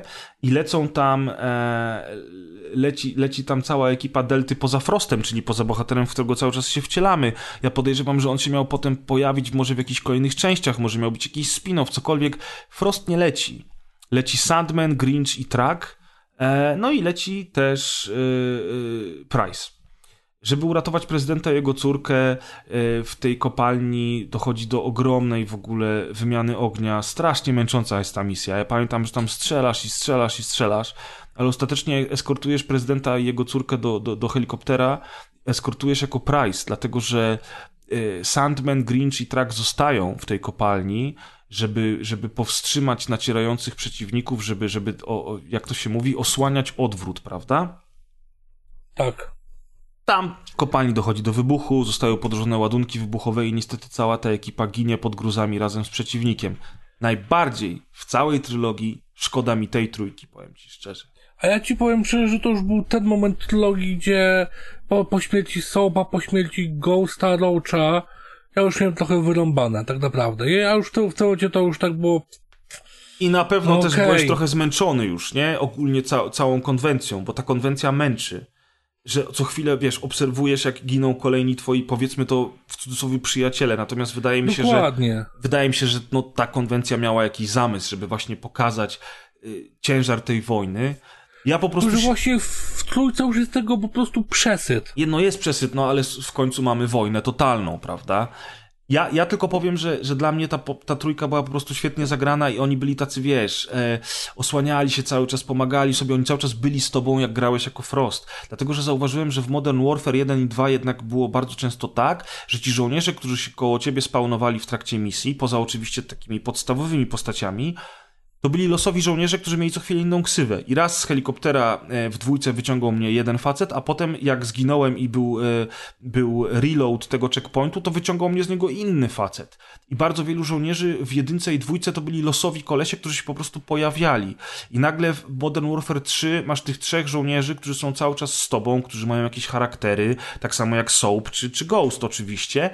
I po prostu strasznie ich polubiłem. No i, i bardzo, bardzo mi było smutno e, na tej scenie. Zresztą ona jest nie do końca jest taka pewna, czy, czy ty wiesz, czy oni zginęli, czy ty nie wiesz, czy oni zginęli. No i ostatecznie według Wikipedii oni zginęli, ale już się pewnie tego nigdy nie dowiemy, bo, bo, bo zamiast Modern Warfare 4 dostaliśmy reboot serii, ale tak, ja pamiętam tę scenę i pamiętam, że było mi, było mi bardzo przykro, że oni musieli tam zostać i zginąć, natomiast oczywiście ich poświęcenie jest bardzo ważne, bo prezydent wraca do siebie i natychmiast ogłasza negocjacje w celu zakończenia wojny. Wojna się kończy, mijają trzy miesiące od jej końca. Jest styczeń 2017, dokładnie do 21 stycznia. Wiem, bo patrzę teraz na e, spis wydarzeń w trylogii Modern Warfare. No i Price razem z Jurim ścigają Makarowa. I w, jak, w jakimś państwie. Matki. Co co? W imieniny mojej matki. Nie rozumiem. W imieniny mojej matki. Okej. Okay. I co się dzieje na końcu? Na końcu mamy chyba najbardziej przegiętą i jednocześnie najbardziej epicką i najbardziej głupią scenę w całej tej trylogii. I jedną z najsłabszych Kiedy... scen, też dodajmy. Dodajmy to, że ona jest tak, z jednej strony epicka, ale z drugiej słaba. strony jest słaba. Jakby już, już za bardzo podkręcili tą to, to szaleństwo i to już przestało być w jakikolwiek sposób wiarygodne w tym momencie. Otóż to. Po prostu. Otóż to. Trochę tak jest. Chłopaki w, w strojach juggernautów, czyli w takich, w takich ciężkich pancerzach, e, atakują tego, tego Makarowa, który próbuje uciec helikopterem. Ten helikopter spada, w międzyczasie Yuri nadziewa się na jakiś, na, na, jakiś metalowy pręt. E, Price z Makarowem biją się na dachu tego hotelu. Yuri jest ranny, ale jeszcze do, do Makarowa strzela, ratując w ten, życie, w ten sposób życie Price'owi. Makarow bierze pistolet, zabija Juriego i Price wtedy chwyta jakąś linę, którą obowiązuje Makarowowi szyję. Zeskakuje razem z nim przez świetlik tego, tego, tego, tego hotelu, wieszając i łamiąc kark Makarowowi, a samemu przeżywając upadek i e, kiedy, kiedy ten martwy Makarow wisi na tej linie, to kapitan Price odpala swoje charakterystyczne cygaro. The end. Powiem ci, że, że w momencie, jak odwołał to cygaro, to ja pierdolnąłem takiego facepalma już, bo to już po prostu było tak przerysowane, że mi wszystko opadło. No, wiesz, tak jak sobie teraz wspominamy całą trylogię, to, to, to okej, okay, to się wszystko jakoś tam do kupy niby łączy, składa, niby to się wszystko łączy, ale, ale z drugiej strony to wszystko jest przerysowane, nie? I to jednak jest gra komputerowa i tam ten pazur taki tego, tego kina hollywoodzkiego cały czas gdzieś wystaje, gdzieś tam nas drapie, czasami to wręcz, wręcz wbija nam się w oko. I ta scena właśnie jak on odpala to cygaro, to jest taki kurczę cios w oko, nie? America, motherfucker! Wiesz. No ale powiedz mi, ogólnie chyba z tego, co, co, co wiem, to, to całą trylogię lubisz, dobrze wspominasz i, e, i, i szanujesz. Tak, tak, natomiast, e, tak jak mówiłem, trójka jest najbardziej epicką zdecydowanie. Natomiast e, i z trójki mam chyba najwięcej właśnie tych takich momentów wartych wspomnienia. Natomiast całościowo chyba jednak jedynka do mnie najbardziej przemawia. Ja ci powiem, że z jedynką mam ten problem, że nawet jak ogrywałem ją w wersji e, w wersji, słuchaj, e, zremasterowanej, też mam zawsze problem z tym, czemu to się nazywa remasterem, skoro to jest remake tak naprawdę, bo wszystkie, wszystkie modele, wszystkie tekstury, wszystko jest zrobione od nowa, ale mechanicznie jest ta sama gra, więc może dlatego to się nazywa remasterem, a nie remake. Remaster dlatego, że jed... różni się oprawa, ale reszta jest taka dokładnie taka sama. No, no, dlatego chyba właśnie remaster. Natomiast właśnie przez to, że reszta jest taka sama, to ja ci powiem szczerze, że jak już ten remaster wyszedł razem z Infinite Warfare e, w 2016 roku, to grało mi się w niego tak sobie, ten remaster. I teraz wróciłem do niego ponownie, właśnie żebyśmy nagrali ten specjal. Przeszedłem go ponownie i znowu miałem takie wrażenie, że mechanicznie ta gra gubi się gdzieś na, pod, e, wiesz, na, na, etapie skryptów, na etapie sztucznej inteligencji. Ja w ogóle zauważyłem, że jak pójdziesz gdziekolwiek wcześniej niż idą twoi sojusznicy, za którymi masz podążać, masz wielką kropkę i wielki napis follow, to, to gra się gubi. I wtedy łatwiej jest zginąć, ci przeciwnicy gdzieś tam, gdzieś tam, wiesz, nagle pojawiają się znikąd za twoimi plecami e, i, i, i, i po prostu miałem bardzo duży problem przez większość kampanii, żeby się w to wczuć. Mimo tych wszystkich niesamowitych scen, które tam przecież są, a tam jest masa niesamowitych scen. Wy, wybuch atomówki, obrona czołgu, atak na stację telewizyjną, Prypeć. Te wszystkie miejscówki, te wszystkie misje są fenomenalne, jeżeli chodzi o klimat, ale już niestety, jeżeli chodzi o mechanikę, to tak kolorowo nie jest. I mam... z tego prostego względu, które to no. doszliwały do takiego poziomu, że jakby ta magia gdzieś zniknęła po prostu. Tak, tak, na pewno, oczywiście. Y, lat, latka lecą, mechaniki się poprawiają, gramy też w inne shootery, które, które prezentują to trochę w inny sposób. Zresztą, ale z drugiej strony, wiesz, no jednak trzeba oddać, oddać tej serii, a zwłaszcza Modern Warfare, że po tym jak, jak ta gra powstała, to wszyscy zaczęli to naśladować. I, tak! Prostu, wiesz, to, to się stał wzór, którego się nie dało przebić tak naprawdę do dziś. E, I owszem, on się mechanicznie postara, postarzał, ale jednak, no, trzeba oddać, oddać, y, oddać rację, że, że to było bardzo widowiskowe, bardzo pomysłowe i do dzisiaj pamiętamy te wydarzenia, prawda? Jestem przekonany, że większość naszych słuchaczy, jak wspomina trylogię, to najbardziej pamięta wydarzenia właśnie z Call of Duty 4 Modern Warfare. Do brzegu. Wiesz, to, za, to zasiało coś nowego w świadomości graczy. To było czymś takim kompletnie, kompletnie świeżym po prostu. Tak, oczywiście, że tak. Oczywiście, że tak. A do brzegu mówię, bo, bo kończymy już y, trylogię Modern Warfare. Ja tylko jeszcze dodam to, o czym ty wspomniałeś wcześniej, czyli Spec Ops w Modern Warfare 3, który był dużo lepszy niż w Modern Warfare 2, właśnie przez to, że był asymetryczny i na przykład e, jeden gracz e, osłaniał drugiego z ospreja, a drugi biegł normalnie po mapie, albo jeden obsługiwał kar karabinki takie zamocowane w różnych miejscach, drugi biegł po mapie. Były też inne różne misje. Od groma w ogóle było tych misji, plus jeszcze cała kupa w DLC i naprawdę dobrze się w to grało. Plus oczywiście multiplayer. Cała trylogia słynie ze swojego multiplayera. W ogóle Call of Duty zdominowało rynek e, online, e, jeżeli chodzi o, o shootery sieciowe. E, tutaj chyba nikt się z nami kłócił nie będzie.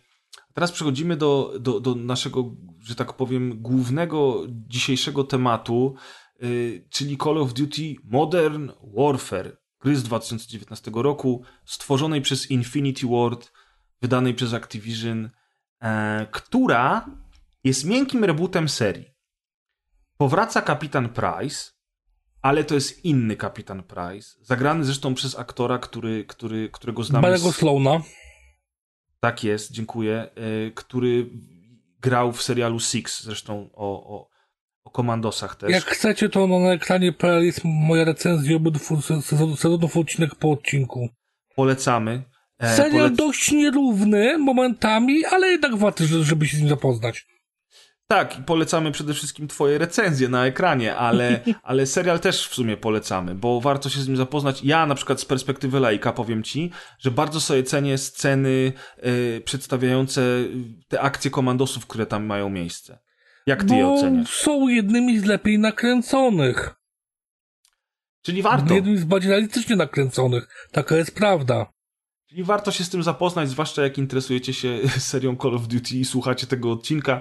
I właśnie z serialu Six do nowego Modern Warfare Barry Sloan y, przeszedł i wcielił się w rolę kapitana Price'a. Dla mnie, powiem ci szczerze, to jest zupełnie inny Price niż tamten. Bardziej wiarygodny, bardziej przyziemny i bardziej ludzki.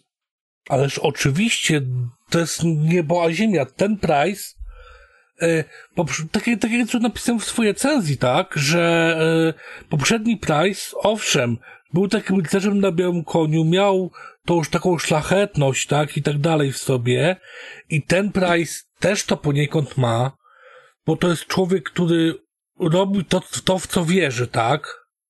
On wierzy, wierzy w to, że to, co robi, że, że to, to, to, to, to robi jest słuszne, tyle, że jego metody na to, jak on tą słuszność osiąga, no, stało się troszkę inne i jakby został pozbawiony dużo bardziej sentymentów, tak?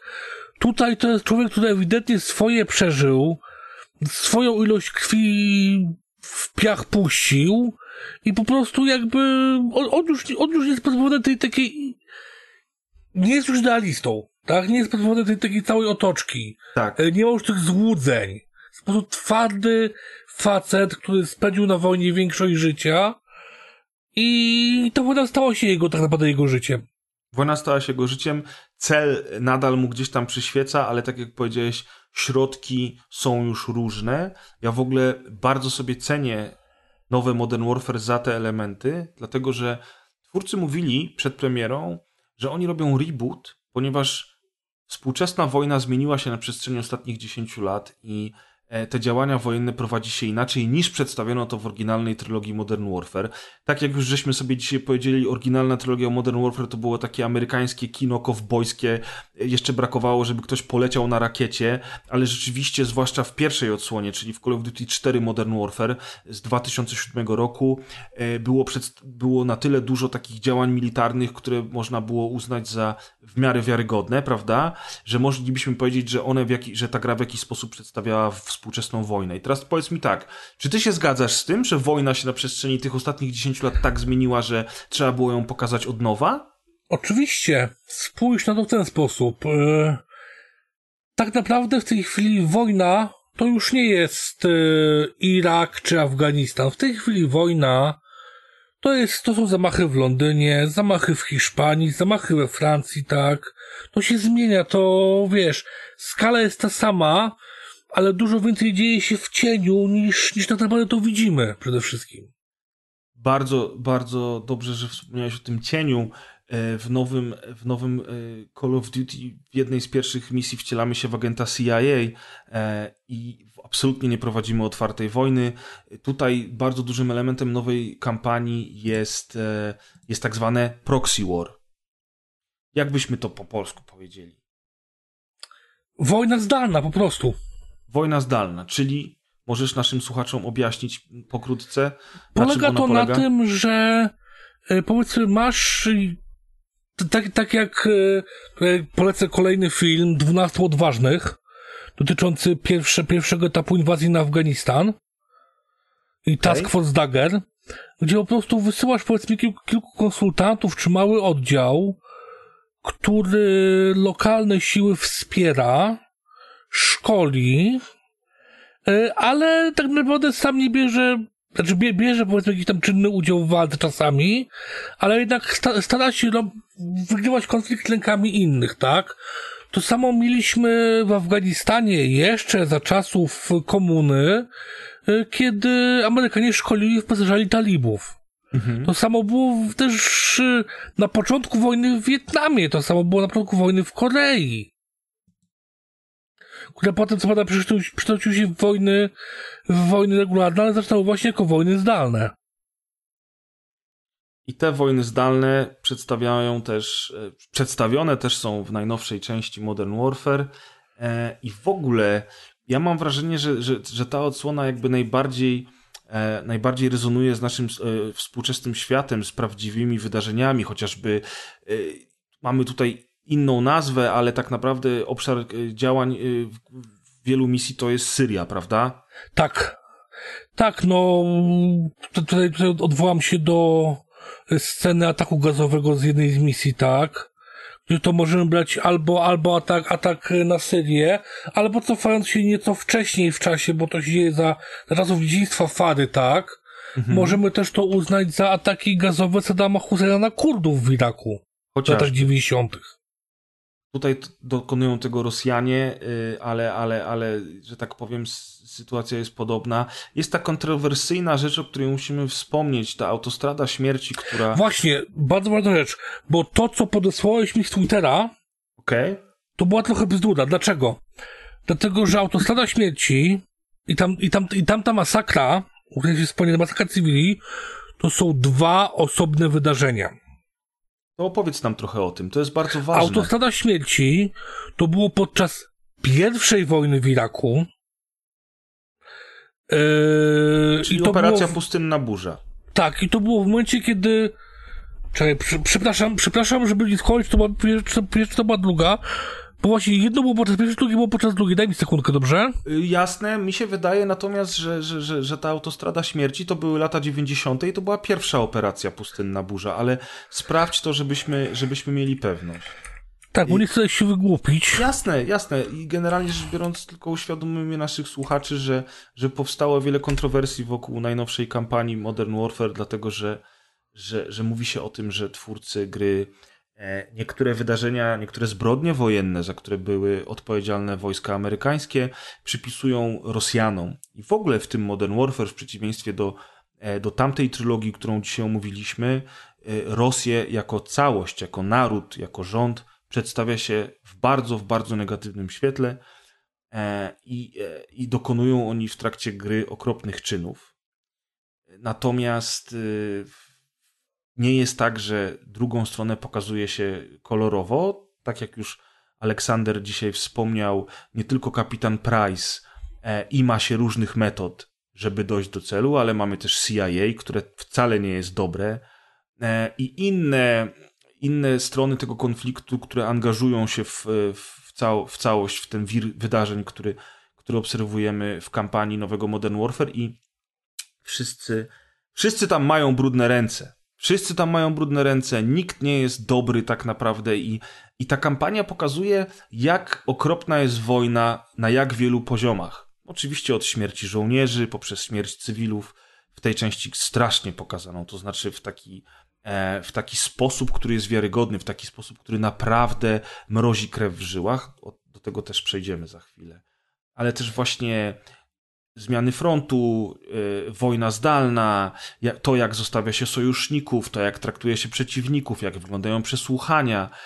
Cała masa elementów, które pokazują, że, że wojna, ta wojna współczesna, czy każda inna, to jest masakra.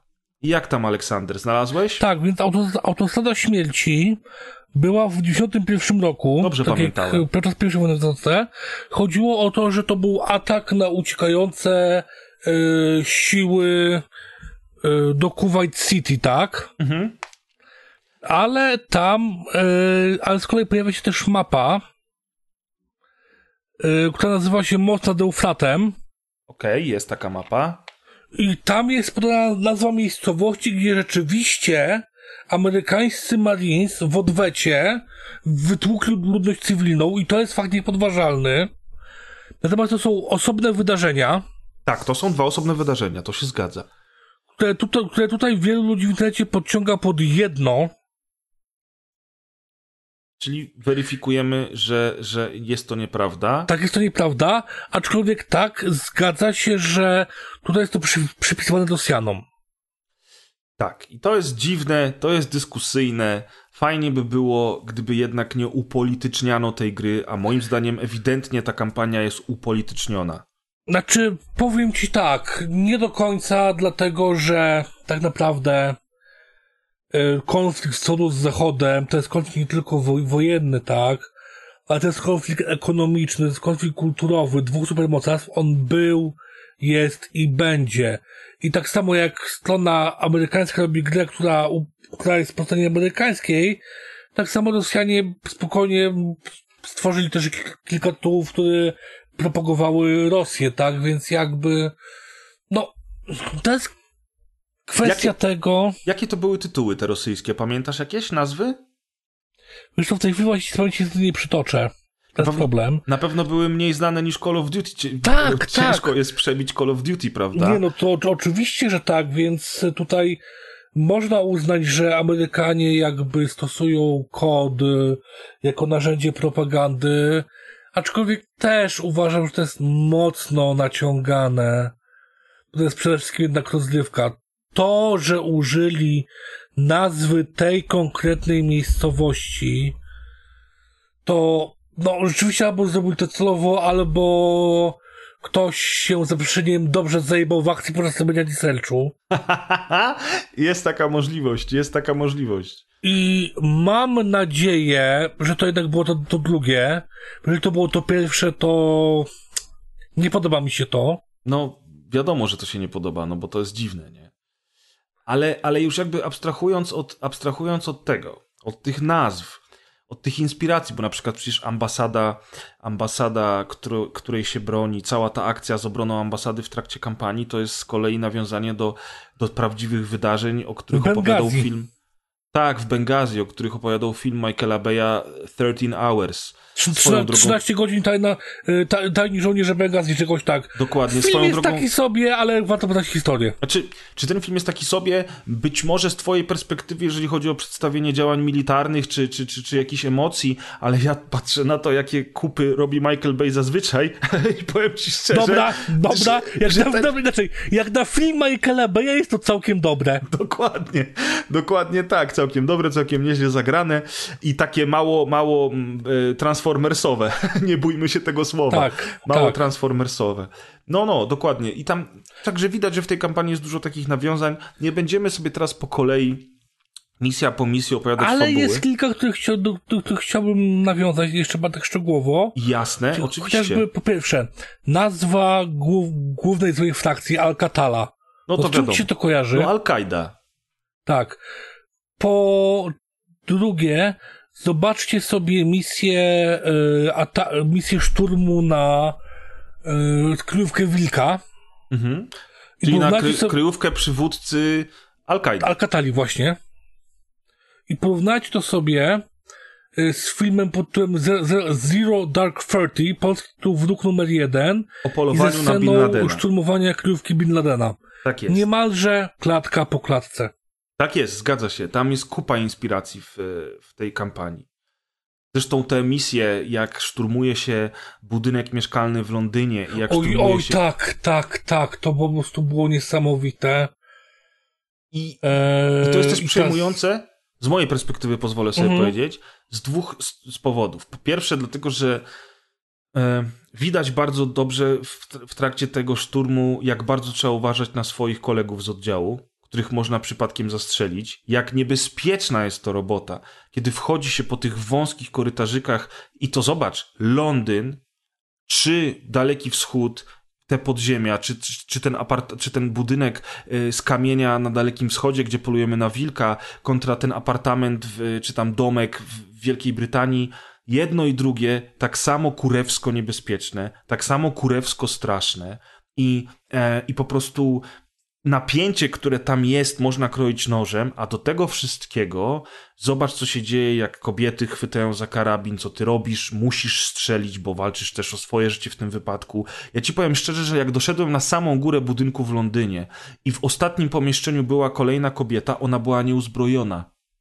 Mi się skończyły flashbangi. Ja nie miałem jak ogłuszyć ludzi w środku, nie wiedziałem kto jest już jedna kobieta po drodze, no bo wiadomo, mówimy, kobiet, że kobiety są postronne, po, po drodze, tak nam się wydaje przynajmniej, po drodze jest pewna pani, która swoje dziecko noworodka trzyma w rękach i tuli je przed, przed jakby nami, żeby nie stało się temu dziecku krzywda, a następnie wchodzimy na samą górę i na samej górze ja wbiegam do ostatniego pomieszczenia i zaczyna krzyczeć kobieta, którą ja widzę tylko połowie, bo ona w połowie wystawała mi, e, wystawała mi z zaszawki i ona podniosła ręce do góry, ale ja myślałem, że nachwyta po broń i ją zastrzeliłem. Ona pada, ja patrzę na, na podłogę, ona nie ma pistoletu, ona nie ma karabinu, ona nie ma nic. I wchodzi kapitan Price i mówi: Dobra robota, udało się, zobacz ile tutaj mamy komputerów, na pewno znajdziemy jakieś informacje. A ja stoję, patrzę na tę podłogę i mówię: O kurwa, ja właśnie zastrzeliłem bezbronną kobietę. Wiesz co, Już... ja, tak, ja tak miałem e, w tej samej misji dokładnie. Jak masz tą scenę na jednym z pierwszych pięter z kolei, jak tam się matka już do kołyski. Tak. Wiesz, yy, za dużo widziałem razy i za dużo, słysza, za dużo razy słyszałem, yy, że tam była, że, że w takich miejscach była ukryta broń. Mhm. Więc powiem ci, że odluchowo sprzedałem kulkę w czerep i no tak. dojebała mnie po prostu scena jak... Yy, i tam jest, tam jest potem moment, kiedy, kiedy wchodzi drugi żołnierz zabezpiecza, no nie? Tak, i on znalazł to dziecko. I on, i on po prostu podchodzi, podnosi to dziecko, zaczyna je uciszać. Ale ja, ja nie widziałem tego. Ale widzisz, zrobiliśmy prawie to samo w dwóch innych miejscach tej misji. E, uderzyło nas to tak samo mocno. I moim zdaniem to jest, to jest strasznie mocna część tej No kampanii. i podobna scena w tym, w polowaniu na wilka, jak czyścisz pierwszy budynek i tam się rzuca matka po broń, to ją Aha. odwalasz i w tym momencie kładzie się na niej dziecko i próbuje gdyby ją obudzić. Tak, tak, jest też coś takiego. I no tam takich scen jest więcej. E, ogólnie obserwowanie e, bombardowania spod gruzów oczami małej dziewczynki, która jest przysypana. Przepraszam, przepraszam, przepraszam, jeszcze, jeszcze jedna rzecz, a właściwie też a propos y, misji y, u Wilka. Okej. Okay. Tam jest taka scena, że y, jak wchodzicie, tam szczeka pies jeden z gości go odstrzeliwuje, no bo robi hałas, tak? Tak, jest taka scena. I jako ciekawostkę sprawdziłem, potem przychodziłem drugi raz, bo masterowałem tą misję. E, co się stanie, jak sam to zrobię? I w tym momencie Gaz mówi, sorry, sorry maleńki, idzie dalej. To też jest ciekawe, bo w y, oryginalnej trylogii Modern Warfare zabija się dziesiątki psów, które atakują nas, rzucają nam się do gardła, strzelamy do nich po prostu ile Wiesz wlezie. Tak, ale te, właśnie te, te psy nas atakują. On tutaj stwarza takie zagrożenie, bo on po prostu szczeka. Tak, natomiast to też jest, to też jest e, znacznik czasów, w jakich żyjemy. Zwróć uwagę na to, że w ogóle okrucieństwo wokół, wobec zwierząt, nawet w grach komputerowych, często jest postrzegane jako coś złego. E, pamiętam aferę, która miała miejsce przy okazji premiery Far Cry Primal, gdzie pokazani byli jaskiniowcy polujący na mamuta. Wiadomo, że to było, znaczy wiadomo, nie wiadomo, to było źródło pożywienia dla tych ludzi i wiadomo, że oni nie mieli, kurczę, strzykawek usypiających, ani nie wiem, snajperki, tylko polowali naostrzonymi, wiesz, patykami i faktycznie scena polowania otwierająca Far Cry Primal jest okropna, bo polujemy przede wszystkim też na dziecko, dlatego że gra tłumaczy nam, że ci ludzie nie są w stanie pokonać rodziców, ale dorosłego, jak całe... tak, a dorosłego, taki najsłabszy w stadzie. Najsłabszy, dokładnie. I zabijamy dziecko, zabijamy małe, małe mamuciątko, które ginie w okropny sposób. I ta scena jest straszna. Ale moim zdaniem to jest to jest dobrze, że oni przedstawiają takie rzeczy, że oni pokazują takie rzeczy, żebyś ty e, mógł się czegoś nauczyć. Nie wszyscy czytają książki, nie wszyscy chcą słuchać na lekcjach. Zresztą na lekcjach się takich rzeczy nie opowiada i moim zdaniem właśnie ta scena w Far Cry Primal była niesamowita. Natomiast oczywiście w internecie e, zawrzało, ludzie byli oburzeni. No i w dzisiejszych czasach e, na takie rzeczy bardzo często reaguje się histerią, w związku z czym tym bardziej to, o czym mówisz, scena z zabiciem e, psa, który, który po prostu szczeka i jest dla nas zagrożeniem, bo może wzbudzić e, zainteresowanie wrogów, a nie jest dla nas bezpośrednim za, za, zagrożeniem, bo nas atakuje, jest tym bardziej taka wymowna, nie? Tak, i tutaj chciałbym. Teraz zobacz, ja, ja zrobię maleńki segway do innego tematu. Oczywiście, proszę bardzo. Dlatego, że to też się kojarzy z serią Modern Warfare, zwłaszcza z tak mroczną odsłoną, jaka jest tutaj.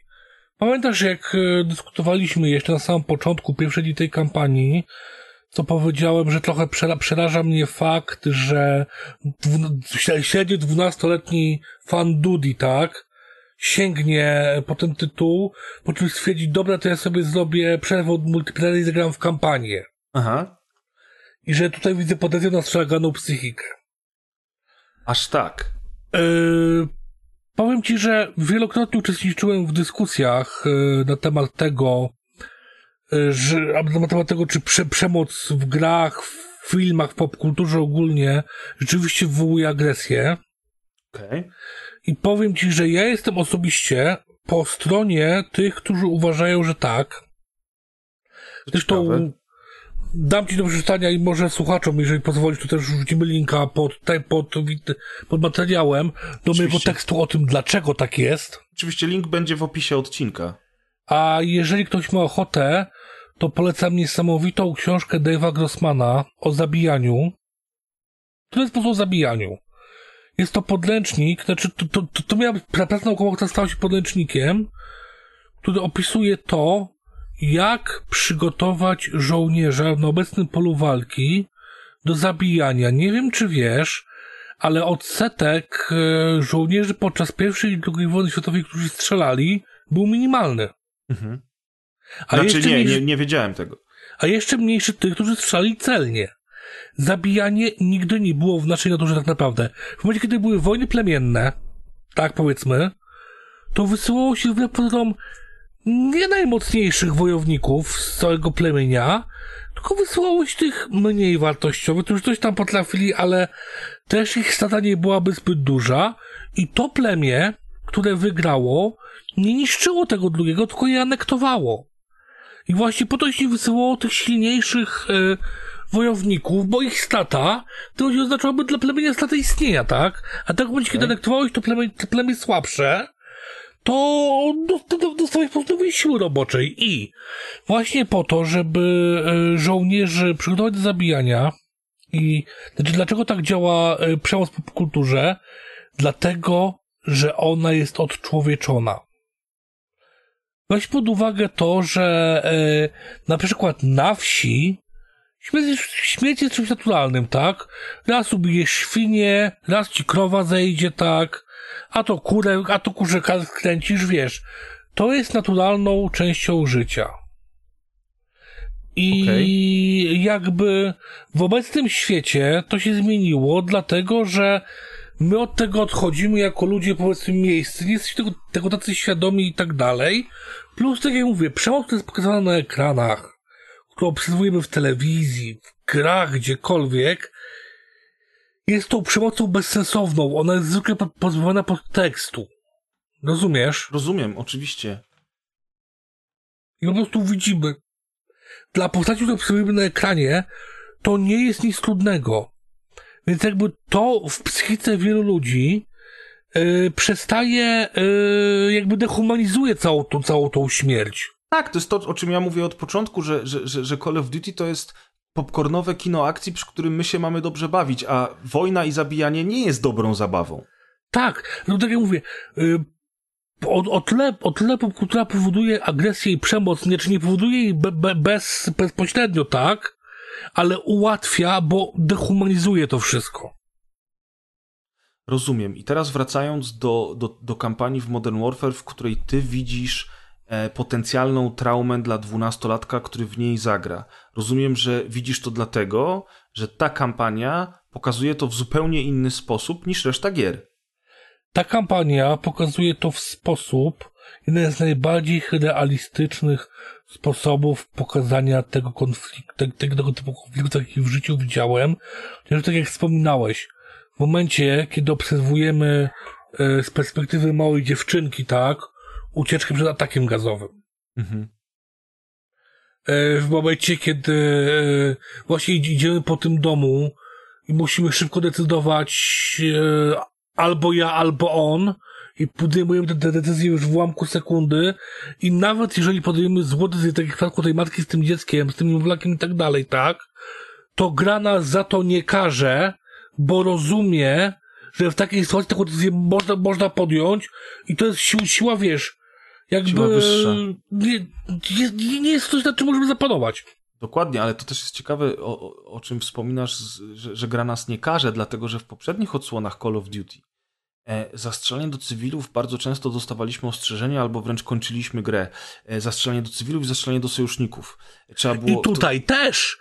Tylko, że zależy od sytuacji. Nie, bo jeżeli, bo atak w Londynie to jest w ogóle jedna z najstraszniejszych scen, jakie widziałem w grach komputerowych, kiedy na ulicy terroryści otwierają nie tylko, nie tylko podkładają ładunki wybuchowe, nie tylko są samobójcy terroryści, ale są też terroryści, którzy otwierają ogień z karabinów do cywilów na środku ulicy, to my próbując tych terrorystów powstrzymać, pędząc na złamanie karku, żeby powstrzymać ten atak, musimy strzelać do, do, do przeciwników, jednocześnie uważając na ludzi, którzy tak. wybiegają nam pod lufę non-stop, spanikowanych, przerażonych ludzi, którzy pędzą na złamanie karku, żeby ratować życie.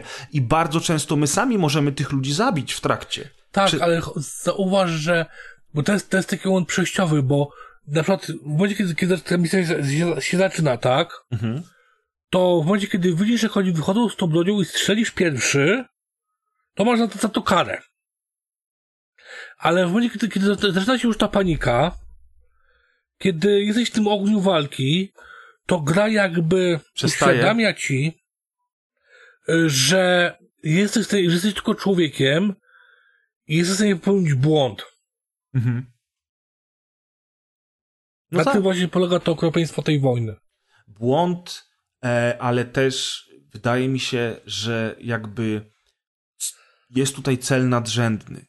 Tak samo jak cel nadrzędny jest u Price'a, kiedy, kiedy SAS dokonuje inwazji na dom w Londynie, czy na kryjówkę Wilka, jest jakiś cel nadrzędny. Ten cel nadrzędny przyświecał też bohaterom w, trzecim Modern Warfare, kiedy, kiedy za wszelką cenę próbowano uratować prezydenta, który miał powstrzymać y, dalszy rozwój działań wojennych, ale też kiedy próbowano na końcu, kiedy Price raz, razem z Jurim próbują dorwać Makarowa, który już tyle zła wyrządził, że nie mogą pozwolić sobie na to, żeby on y, dalej mógł żyć i wyrządzać to zło.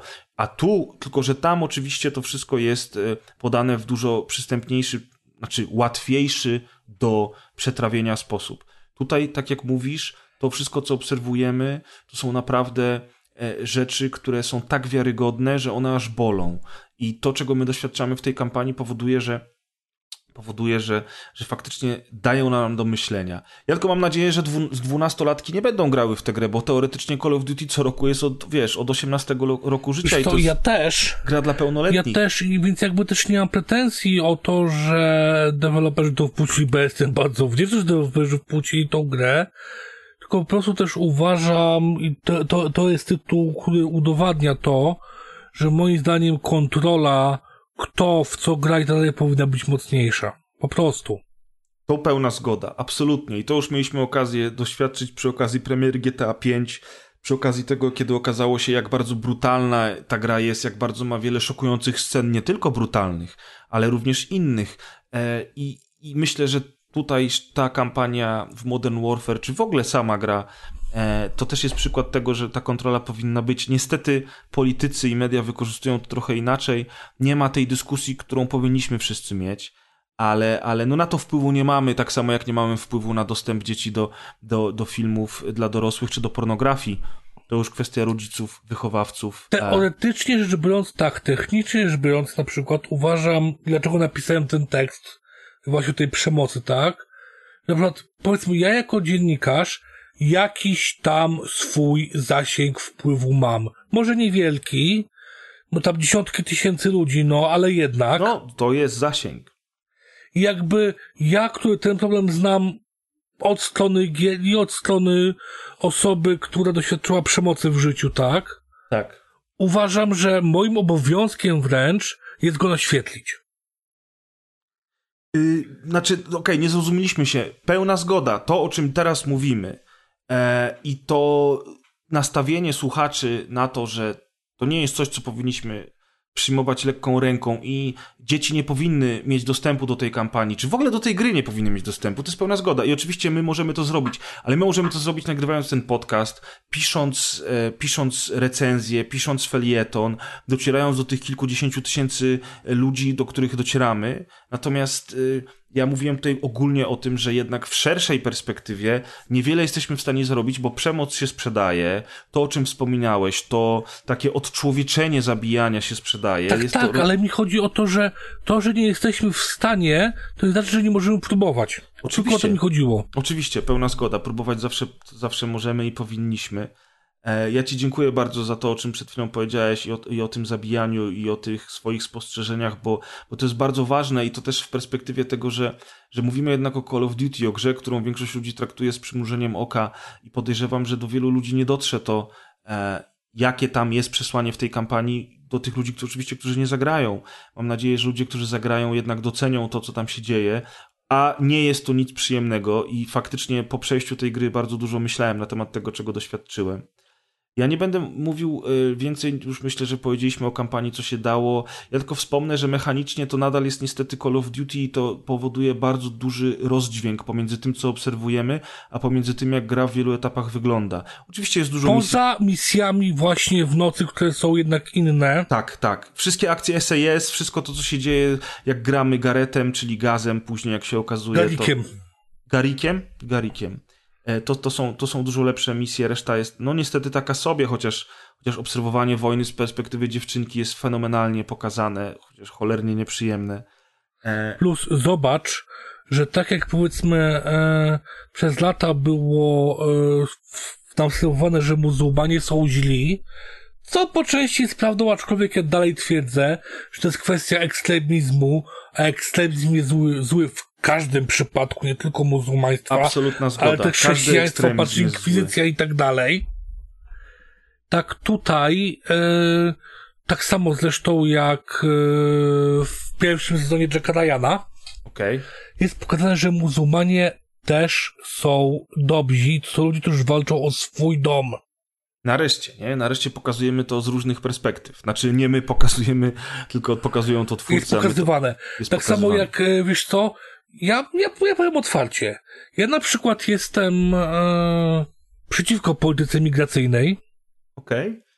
Ale nie dlatego, że ja coś przeciwko temu, że muzułmanie uciekają e, z, wiesz, do, do Europy z ogarniętego, z ogarniętego wojną kraju, tak? Mhm. Bo ja też bym na ich miejscu przynajmniej spierdalał. Oczywiście, że tak. Problem polega na tym, że ci, którym rzeczywiście zależy na, swoim, na swoich domach, tam zostali i oni walczą. No, znaczy, to jest grubszy temat, nie? I tak, tak, jakby tak. zupełnie nie na ten podcast, ale, ale to też jest wiele czynników, y, które mają na to wpływ. Natomiast cofnijmy się... się... ale właśnie chodzi mi o to, że ten kod jakby zamazuje, znaczy pokazuje tą granicę, że jednak nie każdy muzułmanin jest zły. Po prostu. Tak, a nie tak, każdy Amerykanin jest dobry. Nie każdy, dokładnie, nie każdy muzułmanin jest zły, nie każdy Amerykanin jest dobry. Nic nie jest czarno-białe w ogóle w tej kampanii. I rzeczy, które tam się dzieją, ja powiedziałem, że nie będziemy spoilerować i faktycznie żeśmy ze szczegółami opowiedzieli o trylogii Modern Warfare, natomiast wydaje mi się, że nie będziemy mówili ze szczegółami o, o, o tej nowej odsłonie serii, dlatego że jednak warto e, żeby każdy doświadczył Tak, żeby, samemu. żeby to os osobiście generalnie yy, przeżyć. Poznać i ja mam nadzieję ogromną, że będzie to, co było przy okazji Medal of Honor z 2010 roku, czyli tego Tier 1, tego pierwszego z tych dwóch nowych, tak? Tak, tak, tak, oczywiście. Że ludzie się zainteresują tym, do czego się odnosi ta historia, do czego rzeczywiście się ona odnosi. Ja, wiesz co, nie byłbym aż takim optymistą, bo niestety nie, nie, nie wierzę w to, że dużo ludzi sięgnie po historię, zacznie interesować się tym, tym, co się dzieje w Syrii, zacznie interesować się sytuacją geopolityczną naszego rejonu i nie tylko naszego. E, chociaż bardzo bym chciał, tak samo jak ty, ale przy popularności serii, jeżeli jakiś odsetek ludzi, którzy kupią grę, a już wiemy, że, że ogrom ludzi kupił grę, jeżeli odsetek chociaż jakiś sięgnie po te informacje, o których ty mówisz, to już będzie dobrze. Dokładnie. To już, to już będzie jakiś, jakiś, jakieś dodatkowe dobro, które wynika, wynika z rozrywki tak naprawdę, no bo nie oszukujmy A się. Mam, mamy okazję polecić naszym, naszym słuchaczom, żeby się zapoznali z tym. Koniecznie, tak, polecamy, uważamy, że to jest ważne i że powinniście się z tym zapoznać. Mamy nadzieję, że, że ta gra y, was też do tego zmotywuje. Ja jeszcze chciałem powiedzieć tylko zanim skończymy, że nie będziemy teraz się zagłębiać w multiplayer, y, w nowym Modern Warfare, bo teraz po tym, o czym powiedzieliśmy, to jest naprawdę mało istotne i w sumie właśnie takie e, trywialne w porównaniu do problemów, o których teraz, teraz mówiliśmy. O multi możecie posłuchać na 195 odcinku rozgrywki, e, który niedawno się ukazał. Możecie też przeczytać e, recenzję Aleksandra na portalu naekranie.pl, do czego oczywiście zachęcamy. Link do tekstu, o którym wspominaliśmy dzisiaj, którego autorem również jest Aleksander, znajduje się w opisie tego odcinka, więc e, zapraszamy, żebyście tam e, kliknęli i zajrzeli, bo to jest naprawdę warta uwagi rzecz. A ja do Ciebie mam jeszcze tylko pytanie, czy coś jeszcze chciałbyś w podsumowaniu dodać? Tak, chciałem tylko powiedzieć, że dla osoby, która jest z tą historią bardzo blisko i którą to fascynuje, ta kampania była dla mnie strzałem po prostu w pysk. Mhm. Bo, jakbyś tu powiedzieć, wierzyłem w to, e, zapewnienia twórców przed, jeszcze przed premierą, że to będzie nowy, brutalniejszy Call of Duty, tak? Mhm. Ale kurwa nie spodziewałem się aż tak bardzo. Aż tak. Ja, no, muszę przyznać, że ja w ogóle nie wierzyłem, nie? Ja myślałem, że ten reboot to jest taki reboot, e, żeby po prostu przyciągnąć nowych, nowych y, odbiorców. I to po, znaczy, ja, po części na pewno wiesz, tak jest. Ja rozumiem, ja po prostu miałem dostęp do pewnych materiałów, których ty nie miałeś jako, jako dziennikarz, tak? Oczywiście, rozumiem. Przed premierą, więc jakby no miałem trochę szerszą perspektywę, więc wierzyłem w to, ale mówię, efekt finalny, to naprawdę to po prostu był cios, cios, cios, cios w dyj dla mnie, autentycznie. No, no wiem, pamiętam, że jak, jak rozmawialiśmy o tym, jak przyszedłeś, to powiedziałeś wręcz, że to jest najlepsza kampania w serii Call of Duty. Tak, i, tego się będę trzymał, że nawet jeżeli nie w całych, nie, nawet jeżeli nie w całej historii Call of Duty, to na pewno w Call of Duty po serii długowojennej, tak? No, okej, okay, okej. Okay. Ja tylko mam te zastrzeżenia odnośnie mechaniki samej, konstrukcji tych misji, wiesz, tego jednak celowniczka, który tam gdzieś się przebija, wiesz, przebija się na pierwszy plan ten celowniczek. Nadal to jest Call of Duty, ale z drugiej Nadal, strony... Nadal, tak, ale uważam, że mimo wszystko było tego mniej niż zwykle. Tak, tak. I, I, tempo jest inne, i, i przemieszanie tego tempa jest też takie, że, że, że, że, że akcja się zmienia, raz jest wolniej, raz jest szybciej.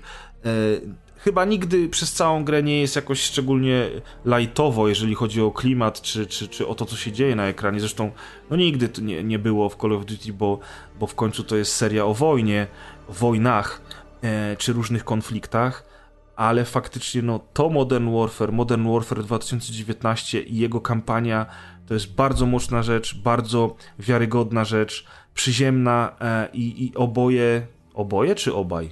Obaj. Obaj Przepraszam bardzo. E, obaj polecamy. E, dziękujemy, że byliście dzisiaj z nami. Moim gościem był e, Aleksander, czyli taktyczny wafel z naekranie.pl.